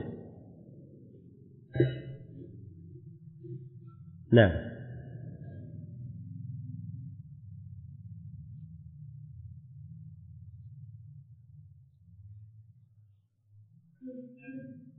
ini salah satu dari penjelasan bagaimana kejadian di hari kiamat terkait dengan bumi yang diguncangkan. Karena banyak ayat ya, banyak surah berbicara tentang ini. Kalau dikumpulkan semuanya itu akan lengkap ya.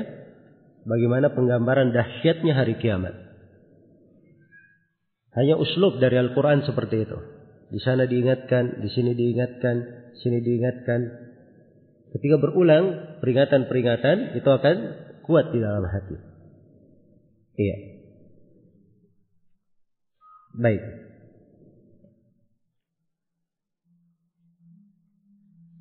Kemudian dikatakan waqala al-insanu malaha.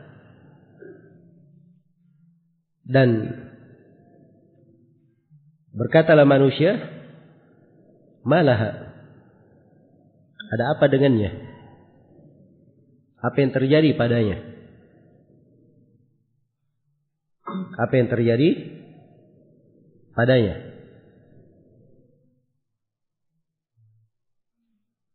Saking dahsyatnya perubahan pada bumi itu sampai dikatakan malah ada apa dengannya? Yawma idin tuhaddithu akhbaraha. Maka pada hari itu bumi menceritakan beritanya. Dia menceritakan berita-beritanya, akhbaraha. Akhbaraha jama dari khabar. Iya. Jadi bumi bercerita tentang beritanya. Dia persaksikan orang yang beramal di atasnya, apa yang dia kerjakan. Baik maupun jelek. Di mana bumi ini menjadi salah satu saksi-saksi yang mempersaksikan amalan hamba pada hari kiamat. Iya. Jadi ini keberadaan bumi. Dia menceritakan berita-beritanya. Dan sebagian ulama ada yang mengatakan bahwa di ayat ini ada takdim dan takhir. Maksudnya, ya, bumi menceritakan dulu keadaan-keadaannya beritanya, barulah manusia berkata, malah ada apa dengannya? Ada apa dengannya? Iya. Jadi uslub bahasa Arab itu kadang seperti itu. Ada takdim dan takhir. Dari sisi urutan memang urutannya begitu. Tapi sebenarnya ada yang dikedepankan, ada yang diakhirkan. Itu kadang ada uslub seperti itu dalam bahasa Arab. Tapi mayoritas ulama mereka katakan konteksnya seperti ini. Dia tidak ada takdim dan takhir. bi anna rabbaka auhalaha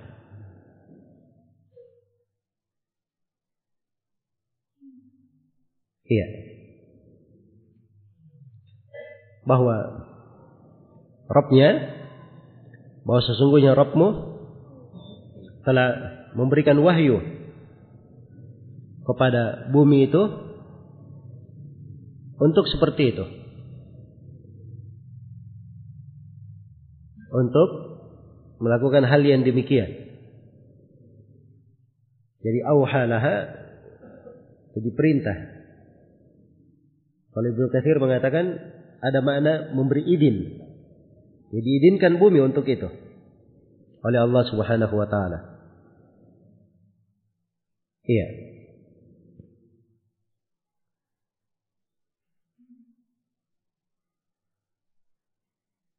Dan sebagian ahli tafsir mengatakan bahwa Allah perintah bumi untuk berbicara.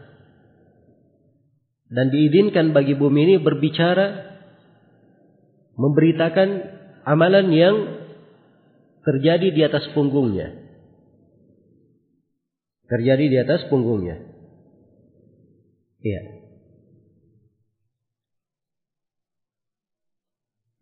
Ya, ini dari ucapan sejumlah ahli tafsir termasuk Imam Al-Baghawi rahimahullah menerangkan hal itu. Jadi bianna rabbaka auhalaha. Rabbmu yang mengwahyukan. Artinya memerintah dan mengizinkan dia. Untuk berbicara. Memberitakan. Berita-beritanya.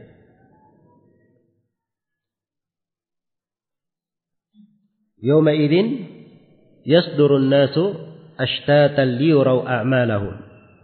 Pada hari itu manusia keluar. Iya. Maksudnya keluar dari kuburnya. ashtatan dalam keadaan bermacam-macam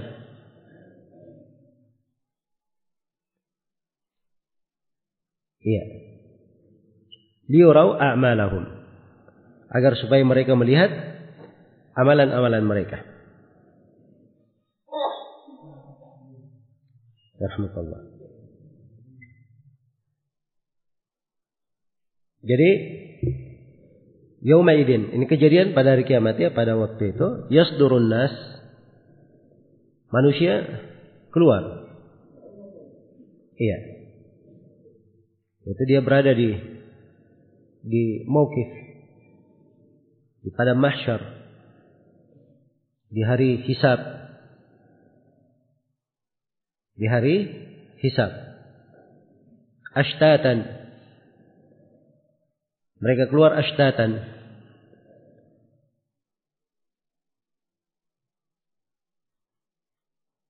Ya. Keluarnya bermacam-macam keadaannya. Beraneka ragam kondisinya. Ada yang mengambil ke arah kanan menuju ke sorga. Dan ada yang mengambil ke arah kiri menuju ke neraka. Iya. Maka ini kata Syekh Abdurrahman bin Nasir As-Sidi, ini kejadian setelah art, setelah amalan sudah ditampakkan ke mereka. Maksudnya sudah sudah diperlihatkan catatan keamalannya. Sudah kelihatan siapa yang kanan, siapa yang kiri. Karena itu mereka yasduru pada hari itu yasdurun nas manusia apa namanya? keluar darinya. Iya. Ada yang mengatakan keluar darinya maksudnya dari kuburnya. Ada yang mengatakan keluar dari maukif daripada mahsyarnya. Nah, di penafsiran yang mengatakan keluar daripada mahsyar, maka ini kejadiannya setelah apa? Setelah art, setelah ditampakkan dari amalan-amalannya. Iya. Baik. Jadi liyarau a'malahum supaya mereka melihat amalan-amalan mereka. Maksudnya supaya mereka melihat balasan dari amalannya. Mereka melihat balasan dari amalan dan perbuatan yang mereka kerjakan. Apakah dia di sorga atau di neraka? Maka pada ayat Setelahnya dikatakan faman ya'mal mithqala dzarratin khairan yarah. Barang siapa yang mengerjakan kebaikan seberat darah niscaya dia, dia akan melihat balasannya. Iya. Jadi dia berbaik beramal dengan satu darah dari kebaikan dia akan melihat balasannya. Darah ini itu semut yang paling kecil. Telur semut. Darah. Itu dalam bahasa Arab. Nah, waktu itu orang Arab tidak mengenal sesuatu yang paling kecil daripada darah. Jadi kalau mau dibahasakan hal yang paling kecil di tengah orang Arab, itu bahasanya adalah apa? darah. Semut kecil. Nah, itu mana ya? Kalau ada yang mengartikan darah itu dengan apa yang bisa didapatkan dari hal yang terkecil di masa ini dari molekul atau atom atau apa begitu, ya itu keliru ya cara mengartikannya. Sebab darah itu artinya semut yang apa? Kecil. Iya. Ini kitab supaya dipahami. Dan yang diinginkan dari ayat sekecil apa pun amalan yang dikerjakan itu pasti akan dia apa? Dia lihat balasannya. Ya, kalau dia berbuat kebaikan sedikit pun walaupun itu seperti darah remeh tidak ada apa-apanya tidak dianggap itu tetap dia datangkan juga. Dia akan melihatnya. Iya. Sebagaimana ayat setelahnya juga faman ya'mal mithqala darratin faman ya'mal mithqala darratin syarran yarah. Siapa yang beramal satu seberat darah dari kejelekan maka dia akan melihatnya. Iya. Dia akan melihatnya. Kata Ibn Abbas radhiyallahu anhu, tidak ada seorang mukmin maupun kafir beramal sebuah amalan baik maupun buruk di dunia kecuali Allah akan memperlihatkan amalan itu kepadanya di hari kiamat. Iya. Kata Ibn Abbas, adapun mukmin dia melihat kebaikan-kebaikannya dan kejelekan-kejelekannya. Allah ampuni kejelekannya dan diberi pahala untuk kebaikannya. Ada orang kafir ditolak kebaikannya dan dia disiksa dengan kejelekan-kejelekannya. Iya.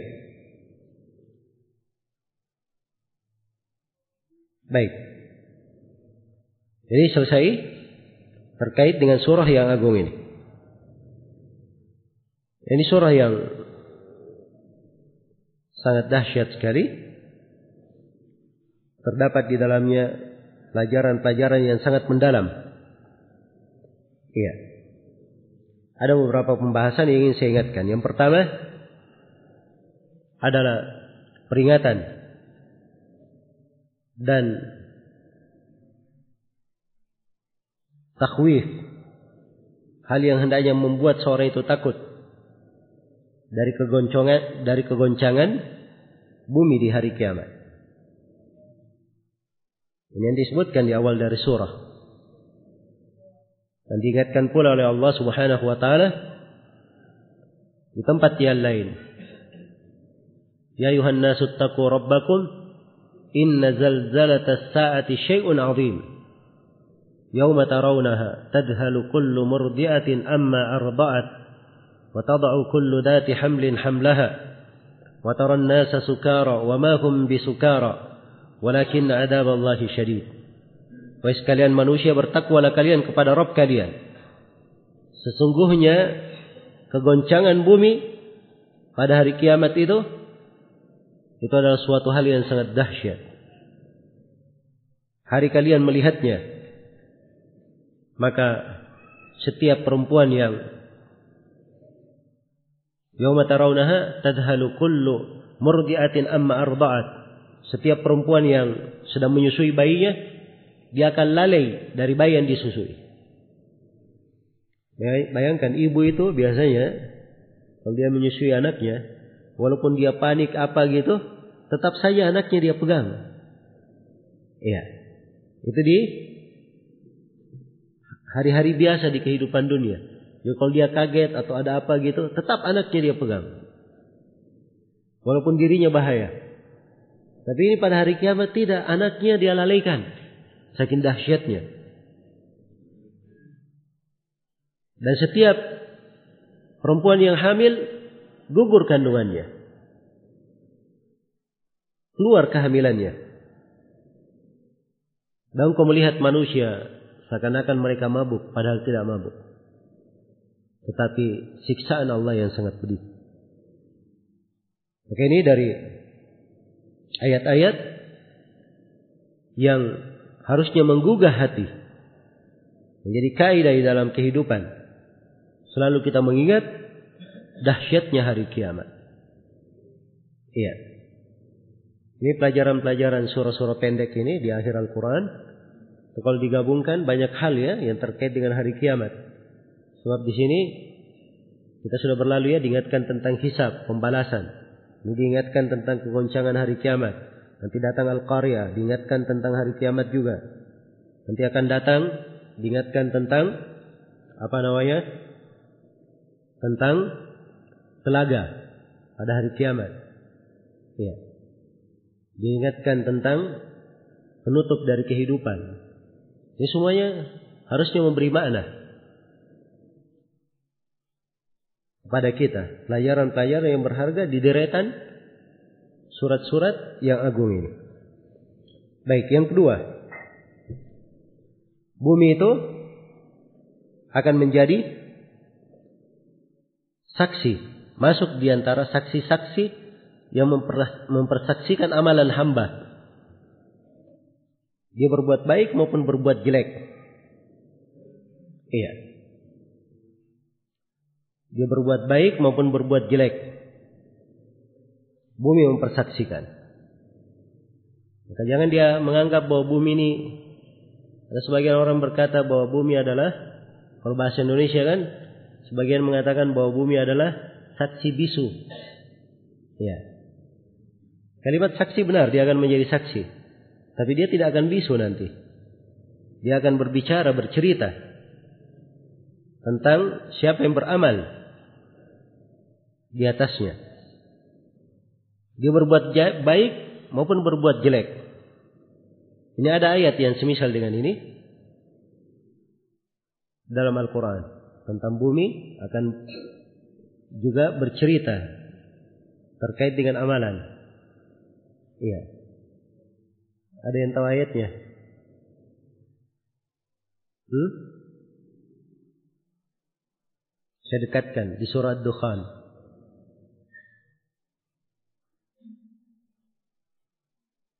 Fama bakat alaihi sama'u wal ard. Langit dan bumi tidak ada yang menangisinya.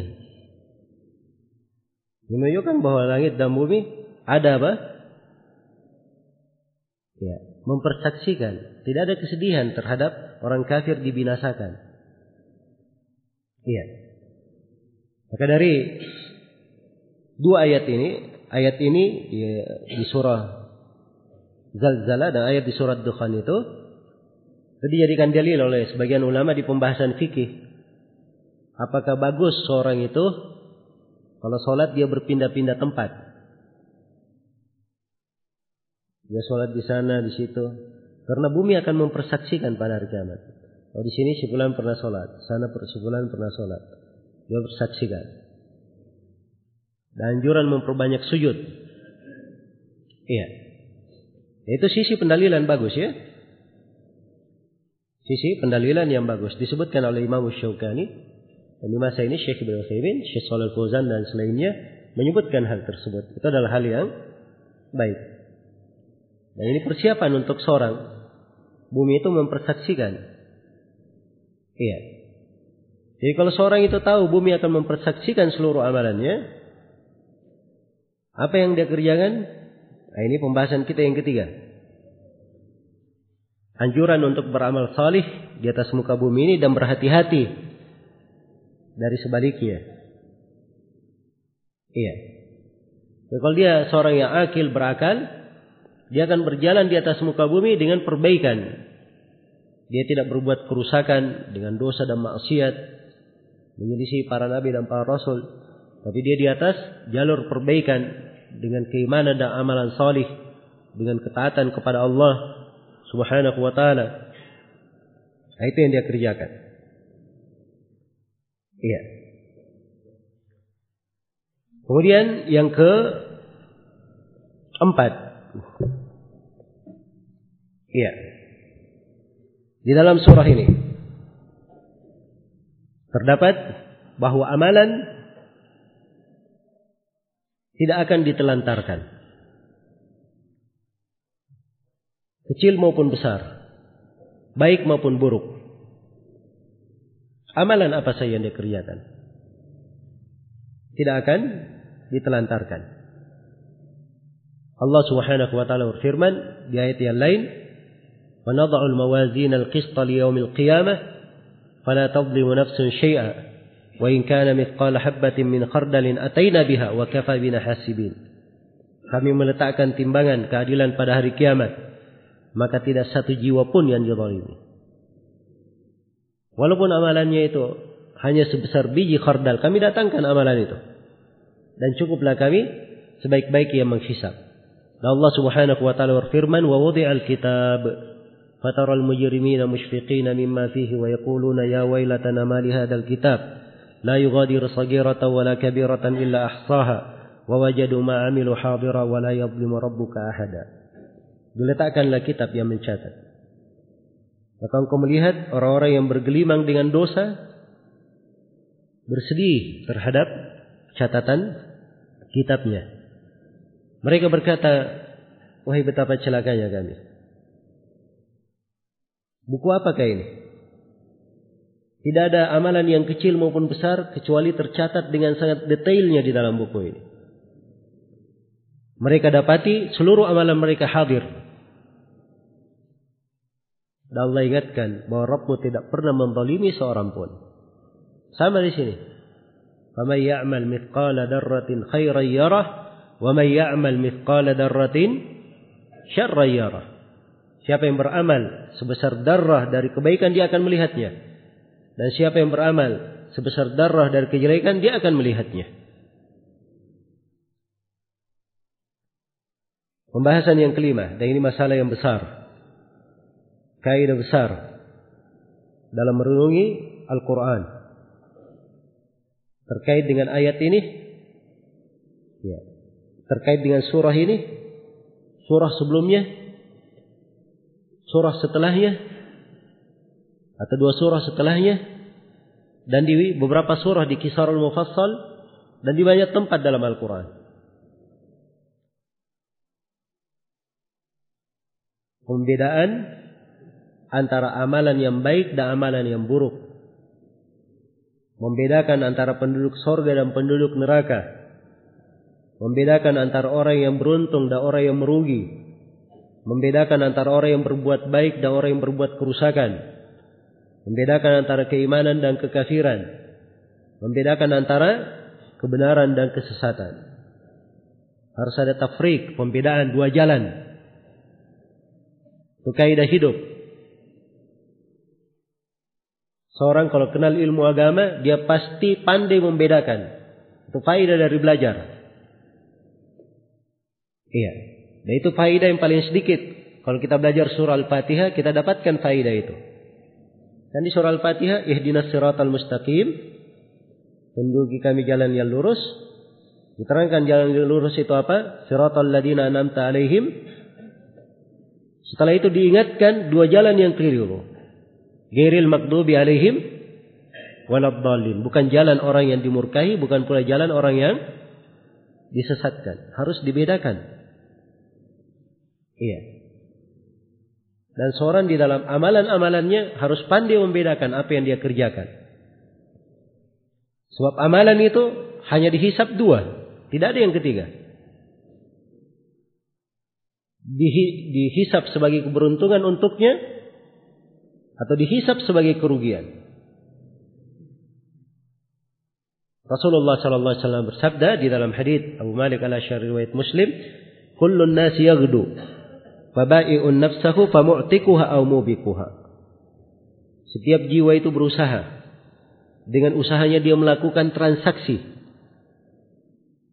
Maka ada yang dengan transaksinya dia membebaskan dirinya dari api neraka.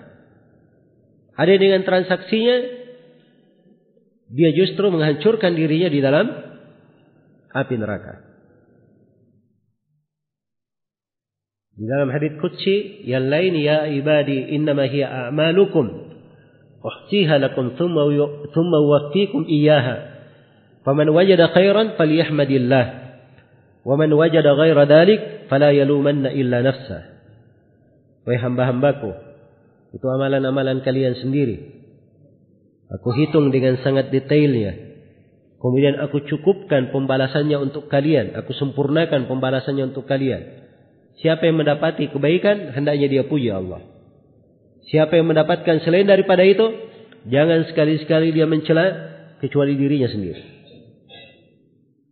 Hanya ada dua, selalu dua seperti itu. Iya. Maka di dalam hidup ini seorang itu harus pandai membedakan. Harus punya tamyiz. Membedakan antara yang hak dan yang batil. Iya. Itu gunanya seorang belajar menuntut ilmu. Gunanya seorang belajar dan menuntut ilmu. Jadi kalau dia belajar menuntut ilmu, dia tidak pandai membedakan demonstrasi itu boleh atau tidak. Nah, ini belum belajar dengan baik. Iya. Sebab dia tidak punya kepandaian membedakan. Dan pahit baik dan buruk, maka itu membantunya untuk bisa istiqamah di atas agama. Nah, terdapat di dalam surah penetapan mauqif dan hisab. Adanya mauqif dan hisab. Yawma idhi yasdurun nasu ashtatan. Yasdurun nas, manusia keluar dari kuburnya menuju kepada mauqif dan tempat hisab. Dia berada di situ. Di mauqif dan hisab. Maka ada tempat seorang itu berdiri di depan Allah Subhanahu wa taala. Ada tempat hisab, dihisab amalannya. Iya. Dan dia akan melihat amalannya itu, melihat buah dari amalannya. Maka ini semuanya ditetapkan dan itu bagian dari keimanan terhadap hari akhirat. Bagian dari keimanan terhadap hari akhirat. Baik. Kemudian yang ke tujuh, di sini ada sabda Nabi Shallallahu Alaihi Wasallam terkait dengan surah Az-Zalzalah ini. Iya. Hadisnya dalam riwayat Bukhari dan Muslim.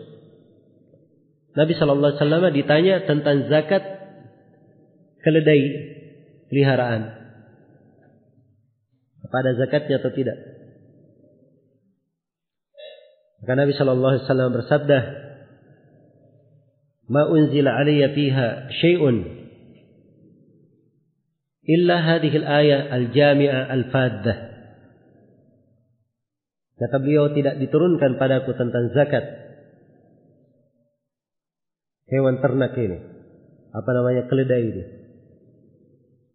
Tidak ada ayat yang turun tentang itu. Kecuali ini ayat yang jami'ah. Yang menghimpun.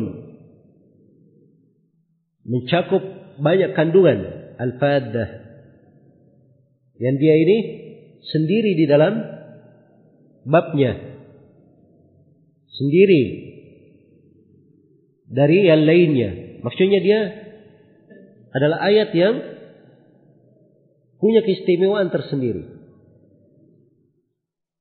Iya. Apa ayatnya? Kata Nabi, "Faman ya'mal mithqala dzarratin khairan yarah, wa man ya'mal mithqala dzarratin syarran yarah." Jadi maksudnya zakat tentang keledai itu itu tidak ada di dalam syariat hukum zakatnya, tapi dia masuk di dalam kategori ayat yang umum ini bahwa seluruh amalan apa pun yang dikerjakan kecil maupun besar itu pasti ada timbangannya di sisi Allah Subhanahu wa taala. Ya ingin kita cermati di sini ketika Nabi membahaya, membahasakan ayat ini sebagai al-jami'ah al-faddah. Ayat yang jami'ah. Dia mengumpulkan banyak makna. Iya. Karena memang kandungannya luar biasa ya. Bagaimana ayat ini? Ya. Mengumpulkan banyak hal. Pada di mana ayat ini sendiri punya keistimewaan tersendiri. Punya keistimewaan tersendiri. Iya. Ini dipahami oleh para sahabat dengan sangat sangat kuat. Ya. Dipahami oleh para sahabat dengan sangat kuat. Bahkan Ibnu Mas'ud radhiyallahu taala anhu berkata, "Ahkamu ayatin fil Qur'an" Ayat yang paling hakim yang paling menjelaskan hukum dalam Al-Qur'an adalah ayat ini. "Faman ya'mal mithqala dzarratin khairan yarah wa man ya'mal mithqala dzarratin syarra yara. Itu ahkam ayah kata Ibnu Mas'ud. Sebab tidak ada satu amalan pun yang terlantar. Semuanya akan dihisap. Jadi mencakup seluruh amalan. Seluruh amalan. Iya. Karena itu Aisyah sebelumnya Umar bin Khattab radhiyallahu taala anhum ajma'in Iya. Mereka bersedekah dengan satu butir anggur. dengan sang butir anggur. Aisyah dan Umar bin Khattab berkata, "Fiha masaqil katsirah." Satu butir anggur ini punya timbangan-timbangan yang banyak. Perhatikan cara mereka berpikir. Iya. Ada timbangan-timbangan yang banyak. Satu anggur kadang dianggap hina, remeh oleh orang. Tapi para sahabat tidak memandang seperti itu. Iya. Banyak timbangan-timbangan di situ. Maka ini ayat jami'ah. Dia bisa memanfaatkan segala hal dalam kehidupannya. Dia bisa menjaga setiap detik dari umurnya bagaimana bermanfaat. Dia semangat bagaimana berbuat kebaikan. Iya. Pada nikmat yang Allah berikan, bagaimana nikmat itu tidak ada yang terlantar. Iya. Tidak ada yang terlantar. Kemarin saya ketemu dengan seorang guru. Ya beliau dulunya menteri. Allah. Saya ketemu begitu masuk ke rumahnya ada butiran-butiran apa namanya nasi kering di lantai. Dia bilang kalau ada sisa makanan saya simpan di sini. Tuh burung-burung datang makannya. Iya. Burung-burung datang memakannya. Ini bentuk dari keseriusan mencari apa? Amalan. Sehingga suatu itu tidak ada yang terlantar. Apalagi kalau di kehidupan di sebagian negeri yang penduduknya makmur begitu, kadang ada sisa makanan bungkus saja masukkan tong sampah. Ya. Karena terjadi juga kita makanan sudah basi, ya dibungkus saja. Tidak diperhatikan. Padahal kalau dia mau bekerja sedikit saja, makanan itu sisa tadi dia simpan di atas tempat apa begitu, dia letakkan di mana yang burung-burung bisa datang ke situ makannya, dia dapat pahala lagi. Iya. Tapi yang menjadi masalah kita ini zuhud dapat amalan solih. Iya. Seakan-akan tabungan amalan solehnya sudah banyak sekali, sudah penuh. Ya, tidak perlu lagi amalan soleh buang-buang saja. Nah, ini masalah kita. Nasallallahu alaihi Semoga Allah mengampuni dari kekurangan kita dan selalu membimbing kita kepada hal yang lebih baik. Baik, jadi ini kalimat ya dari Nabi Al-Jami Al-Faddah seharusnya kita perhatikan dan ucapan Ibnu Mas'ud ini ayat yang paling ahkam dalam Al-Qur'an. Ini diingat dua kali dua kata ini. Kalau membaca surah ini. Maka insya Allah Ta'ala akan banyak nanti manfaat dan faedah dipetik di belakangnya. Baik, surah berikutnya.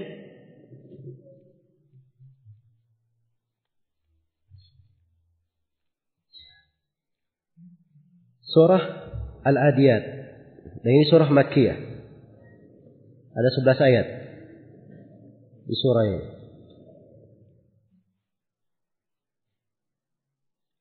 Bismillahirrahmanirrahim. Ayat yang pertama, wal adiyati babaha. Iya.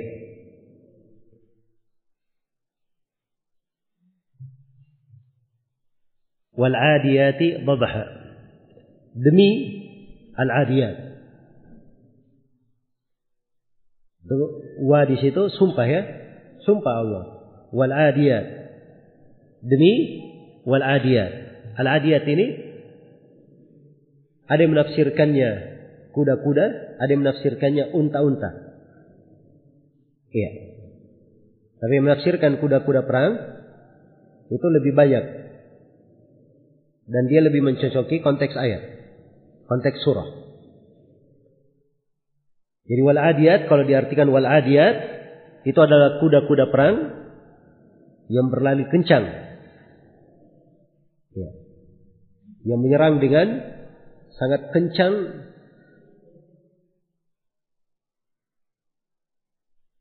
Yang di mana saking kencangnya Ya, terdengar darinya suara babaha. Iya. Itu suara kalau dia sangat kencang sekali menyerang atau sencam berlari, ya. terdengar dari apa namanya kuda itu suara dari hembusan angin yang keluar dari mulutnya. Iya. Ini kalau diterjemahkan bebas, demi kuda-kuda perang yang berlari kencang dengan terengah-engah sampai keluar dari suaranya saking kencangnya dia berlari dan menyerang. Ayat yang kedua, Falmuriyati qadaha. Falmuriyat ya.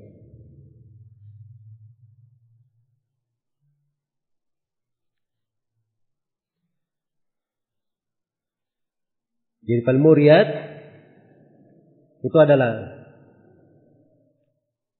apa namanya?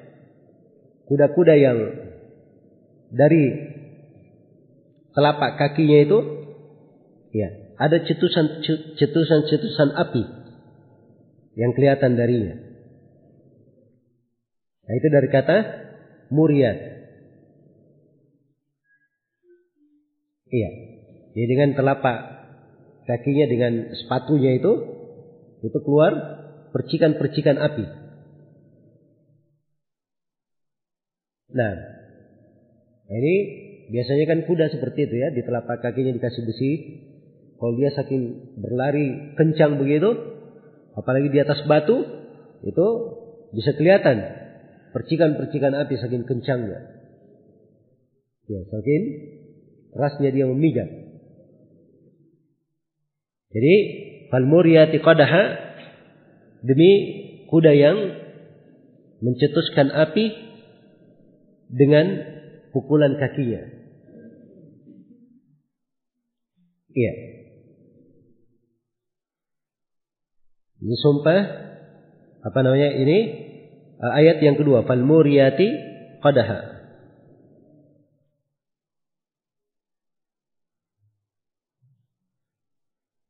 Kemudian yang ke tiga, falmugirati subha. Dan kuda yang al-mugirat.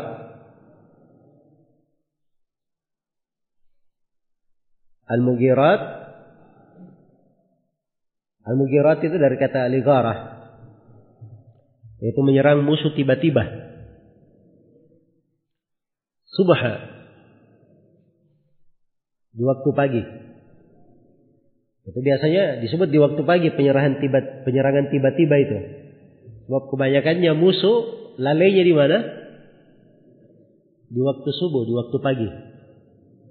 Karena itu Nabi Shallallahu Alaihi Wasallam kalau ingin menyerang suatu negeri kafir, beliau menunggu menjelang subuh. Kalau terdengar suara adan, beliau tahan, menunjukkan mereka masuk Islam. Sudah ditawari masuk Islam. Kalau tidak diperangi, tapi mereka tidak menerima. Itu pun Rasulullah langsung menyerang. Ditunggu waktu subuh. Ya, diberi kesempatan lagi. Kalau terdengar adan, ditahan. Kalau tidak baru menyerang. Nah, ini igara di waktu subuh manfaatnya banyak. Pertama, itu memper, mempercepat kekalahan musuh. Dan yang kedua, mengurangi korban dari pihak kaum muslimin. Iya. Jelas ya? Jadi ini tiga ayat terkait dengan apa namanya kuda-kuda yang dipakai berperang fi sabilillah di jalan Allah Subhanahu wa taala. Walaupun kata falmuriyat tadi pada ayat yang kedua ada penafsiran lain selain daripada apa yang saya sebutkan. Cuma ini eh, kadang di sebagian eh, pembahasan saya tidak rinci ya karena kita ingin meringkas. Baik. Kemudian dikatakan fa'asar nabihi napa'a. Maka kuda-kuda ini menerbangkan debu. Asar nabihi naqa. Dia terbangkan dia naikkan. Dengan kencangnya dia berjalan. Ya, dengan dahsyatnya dia menyerang tiba-tiba. Maka mengepul debu-debu. Ya terbangan debu-debu fawasatana bihi jam'a maka kuda-kuda ini langsung berada di tengah. Di tengah-tengah. Ya. Kuda-kuda ini langsung berada di tengah-tengah menyerbu kumpulan musuh. Jam'ah. Baik, ini sumpah. Kuda-kuda perang dengan sifat-sifat ini tadi apa yang Allah bersumpah dengannya? Ini baru masuk ayatnya. Itu selalu ya kalau ada sumpah. Ya, pertama menunjukkan kebesaran Allah yang bersumpah dengan makhluknya sesuai dengan kehendaknya. Yang kedua menunjukkan bahwa makhluk yang disebut di dalam sumpah itu ada apa? Keistimewaan atau keagungan di sisi Allah. Kemudian yang paling pentingnya, apa maksud di belakang sumpah itu? Bersumpah untuk apa? Lihat, adanya sumpah itu untuk menegaskan apa? Nah, ini yang kita ingin bahas ini, di ayat berikutnya. Di ayat yang ketujuh. Apa ayat yang keenam? Innal insana li rabbihi lakanud. Sesungguhnya manusia itu terhadap Robnya benar-benar lakanud. Sangat kafir terhadap nikmat-nikmat Rabbnya. Itu makna kanud. Iya. Dia kafir mengingkari nikmat-nikmat Allah Subhanahu wa taala. Itu ada ya di bahasa disebutkan oleh sebagian ahli tafsir beberapa nama kabilah yang memakai bahasa ini. Al Hasan Al Basri berkata, lakanud itu artinya alladhi ya'uddul masaib wa yansan ni'am. Orang yang menghitung-hitung musibah tapi melupakan nikmat-nikmat Allah. Kalau musibah dihitung, saya pernah kena musibah ini, musibah itu, musibah ini. Ada semua membekas. Tapi kalau nikmat, tidak tahu ke mana. Seakan-akan tidak pernah dapat nikmat. Ini lakanud. Iya. Atau berkata lakanud itu adalah orang yang di kondisi genting bersama kaumnya dia tidak memberi apa-apa. Nah ini kan harusnya kalau di kondisi genting misalnya semuanya akan berbahaya dia ada di dalam satu kampung bersama kaumnya biasanya dia keluarkan gampang mengeluarkan apa yang dia miliki. Ini tidak. Dia tahan. Nah, ini kata atau lakanud. Ya. Abu Ubaidah berkata lakanud itu artinya sedikit kebaikannya. Qalilul khair. Sebab kalau dalam bahasa Arab dikatakan al-ardul kanud berarti bumi yang tidak menumbuhkan sesuatu apa pun. Ini mana-mana saling melengkapi ya. Baik.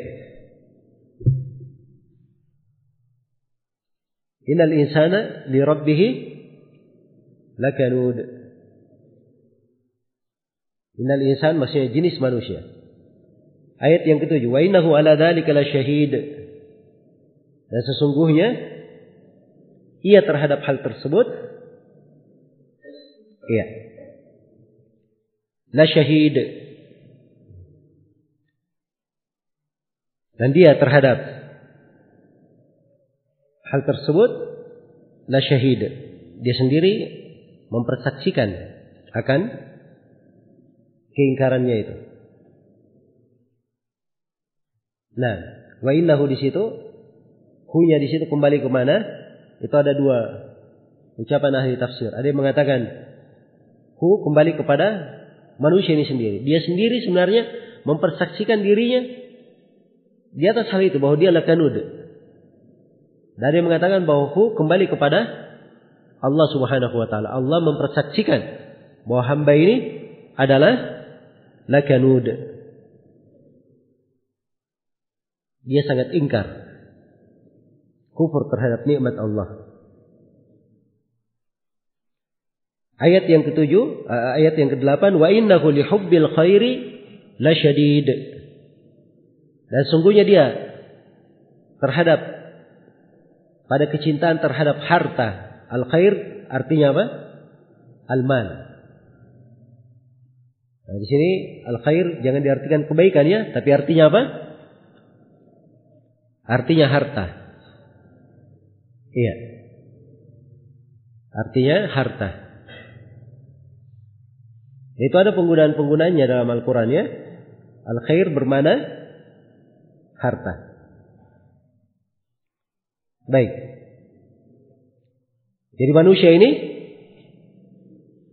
terhadap pada kecintaannya terhadap harta, dia adalah orang yang sangat apa?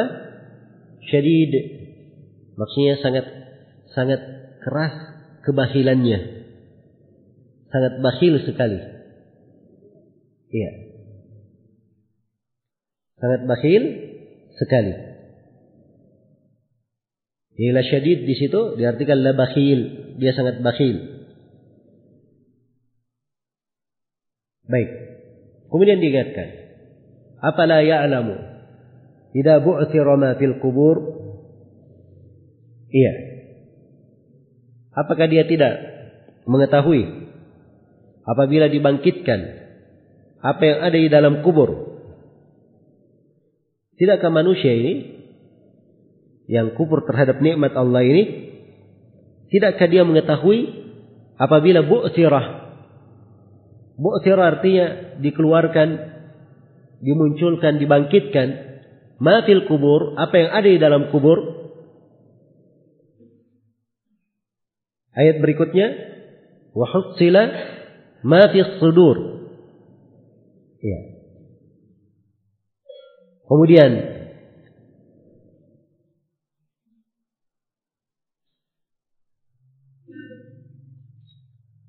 dan hutsilah ditampakkan diperlihatkan apa yang ada di dalam dada. Apa yang ada di dalam dada.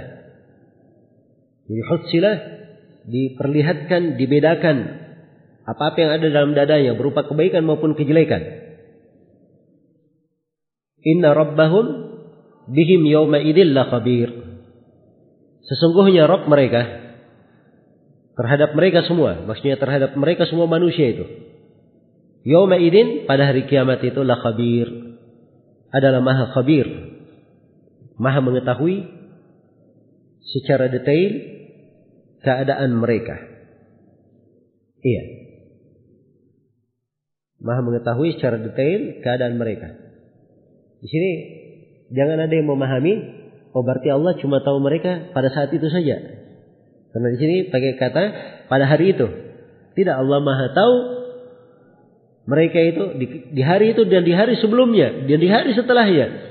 Allah Maha tahu. Tapi kenapa dikhususkan di hari itu? Ini penegasan bahwa balasan dari sisi Allah betul-betul terjadi di hari tersebut. Baik. Ini surah Al-Adiyat. Ada beberapa pembahasan di dalamnya. Yang pertama terdapat tambih akan keutamaan berkuda di jalan Allah fi dan ribab berjaga-jaga di tempat-tempat yang apa dikhawatirkan ada serangan musuh. Iya. Ketika disebutkan Allah bersumpah dengan kuda-kuda ini, ini menunjukkan bahwa ada keistimewaan di dalam mempelajarinya. Seorang belajar berkuda, ya, mengambilnya sebagai fasilitas dalam berjihad fisabilillah menjaga keamanan kaum muslimin, menjaga negeri kaum muslimin. Itu ada hal yang baik di situ. Jelas ya? Nah, ini dalam syariat kita adalah hal yang dianjurkan.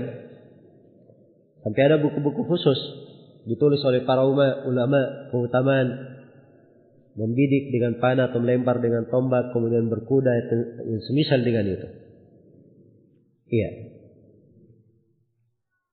Semisal dengan hal tersebut. Nah, ini ada anjuran. Nah ini terkait dengan masalah kalau dia secara pribadi dia senang untuk memiliki keahlian seperti itu. Dia berkuda misalnya memanah atau ini secara pribadi nggak ada masalah. Iya. Tapi terkait dengan masalah umum itu urusan pemerintah. Mereka yang ada terkait dengan masalah pembinaan, pelatihan, pasukan, dan semisal dengan itu itu urusan pemerintah. Jelas ya? Baik, kalau dia punya kawan-kawan misalnya mau berlatih itu nggak ada masalah. Cuman itu gejala yang tidak baik. Kalau ada sebuah pondok pesantren misalnya atau komunitas dakwah, ya, dia kerjanya latihan perang-perangan. Ini mau apa latihan perang-perangan? Iya. Kerjanya latihan memanah sampai akhwat-akhwat ikut memanah juga. Iya. Apalagi sudah dijangkiti demam seperti itu tadi. Foto sana sini. Masya Allah. Jadi pemoto pemanah. Wah jagoan semua nih. Akhwatnya saja pemanah. Apalagi ikhwannya. Hati-hati kita. Ini kesan-kesan tidak bagus. Jelas ya? Tidak ada dari dakwah para ulama kita itu punya pondok pesantren. Muridnya ribuan orang. Nggak ada mereka bikin latihan berpedang, latihan memanah. Itu kembali ke urusan sendiri. Dia bukan negara melatih-latih orang. Jelas ya? Itu ciri nggak bagus. Ada hal yang kadang keliru seorang memahami. Keliru di dalam memahami. Itu nanti memberi kesan yang buruk nanti. Wah ini orang belajar sunnah kayak mau berperang. Ya. Jadi takut orang mau perang siapa mereka ini? Ini kalau semangat saya ya tidak mempertimbangkan yang lain itu repot. Apalagi tidak mengambil pelajaran dari dakwah para ulama dari masa ke masa. Itu Abu Bakar bin Abi Syaibah kalau hadir di dalam satu majelis itu yang duduk lebih 20 ribu orang satu majelis. Tidak ada mikrofon di hari itu. Tidak ada mereka mikrofon. 20 ribu orang bagaimana bisa hadir semuanya? Nah itu keistimewaannya ya. Beliau baca satu hadis ada orang yang berdiri di sana di ujung mendengar suara beliau. Ini menyampaikan ke belakang. Di belakangnya ada lagi yang berdiri. Menyampaikan yang ke belakang. Sampai dengar semua 20 ribu orang. Ya. Ini punya banyak murid. Banyak. Tidak ada dalam biografinya. Murid-muridnya dilatih memanah, dilatih berpedang, dilatih berkuda. Ya, so, orang harus pahami kedudukannya sebagai apa. Dia dai berdakwah di jalan Allah. Hah? Dia seorang penuntut ilmu, dia belajar.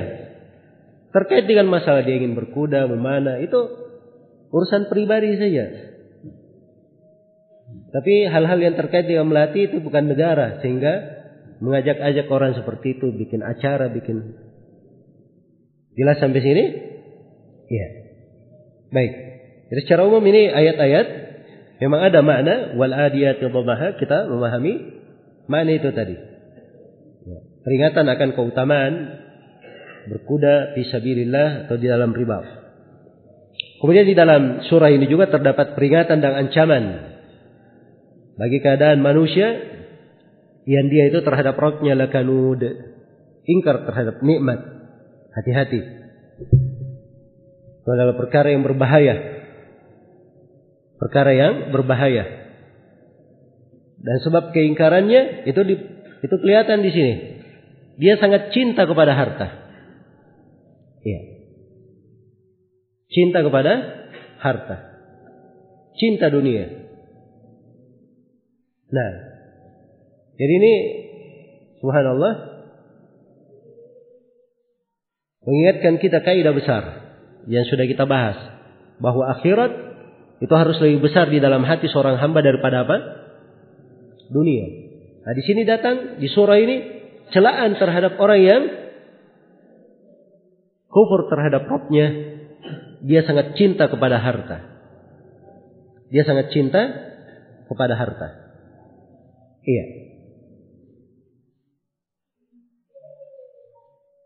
Kemudian di dalam surah ini juga terdapat obat untuk kufur nikmat dan cinta kepada harta ini. Sekarang kalau ada orang kufur nikmat, cinta harta, bagaimana diobati? Ini ayat setelahnya, apala ya'lamu idza bu'thira ma fil qubur wa hussila ma fis sudur. Inna rabbahum bihim yawma idzil la khabir. Nah, itu obatnya. Jadi mengingat akan kebangkitan, mengingat akan hisab, mengingat akan hari akhirat, itu obat mengobati kecintaan kepada harta. Mengobati kufur nikmat. Penjelasan obatnya. Iya. Terdapat di dalam surah ini juga penetapan adanya kebangkitan dari kubur. Ini diuraikan di dalam berbagai ayat. Nah, hadits Rasulullah sallallahu alaihi wasallam. Nah, ini disepakati oleh umat Islam. Kemudian yang kelima di dalam ayat terdapat tambih untuk ikhlas. Peringatan untuk ikhlas.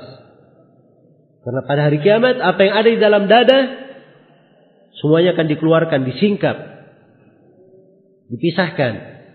Ya mungkin hari ini bisa dia berkata, oh saya ikhlas membantu. Tulisannya berucap. Dalam hatinya belum tentu. Iya. Pada hari kiamat, yang tersembunyi itu akan ditampakkan. Maka ini tambih untuk ikhlas. Dan yang keenam terdapat juga tambih agar supaya perhatian terhadap amalan-amalan hati. Apa yang ada di dalam dada. Dan ini fikih yang sangat besar. Hal yang sangat besar yang harus diingat. Terkait dengan masalah memperhatikan amalan hati.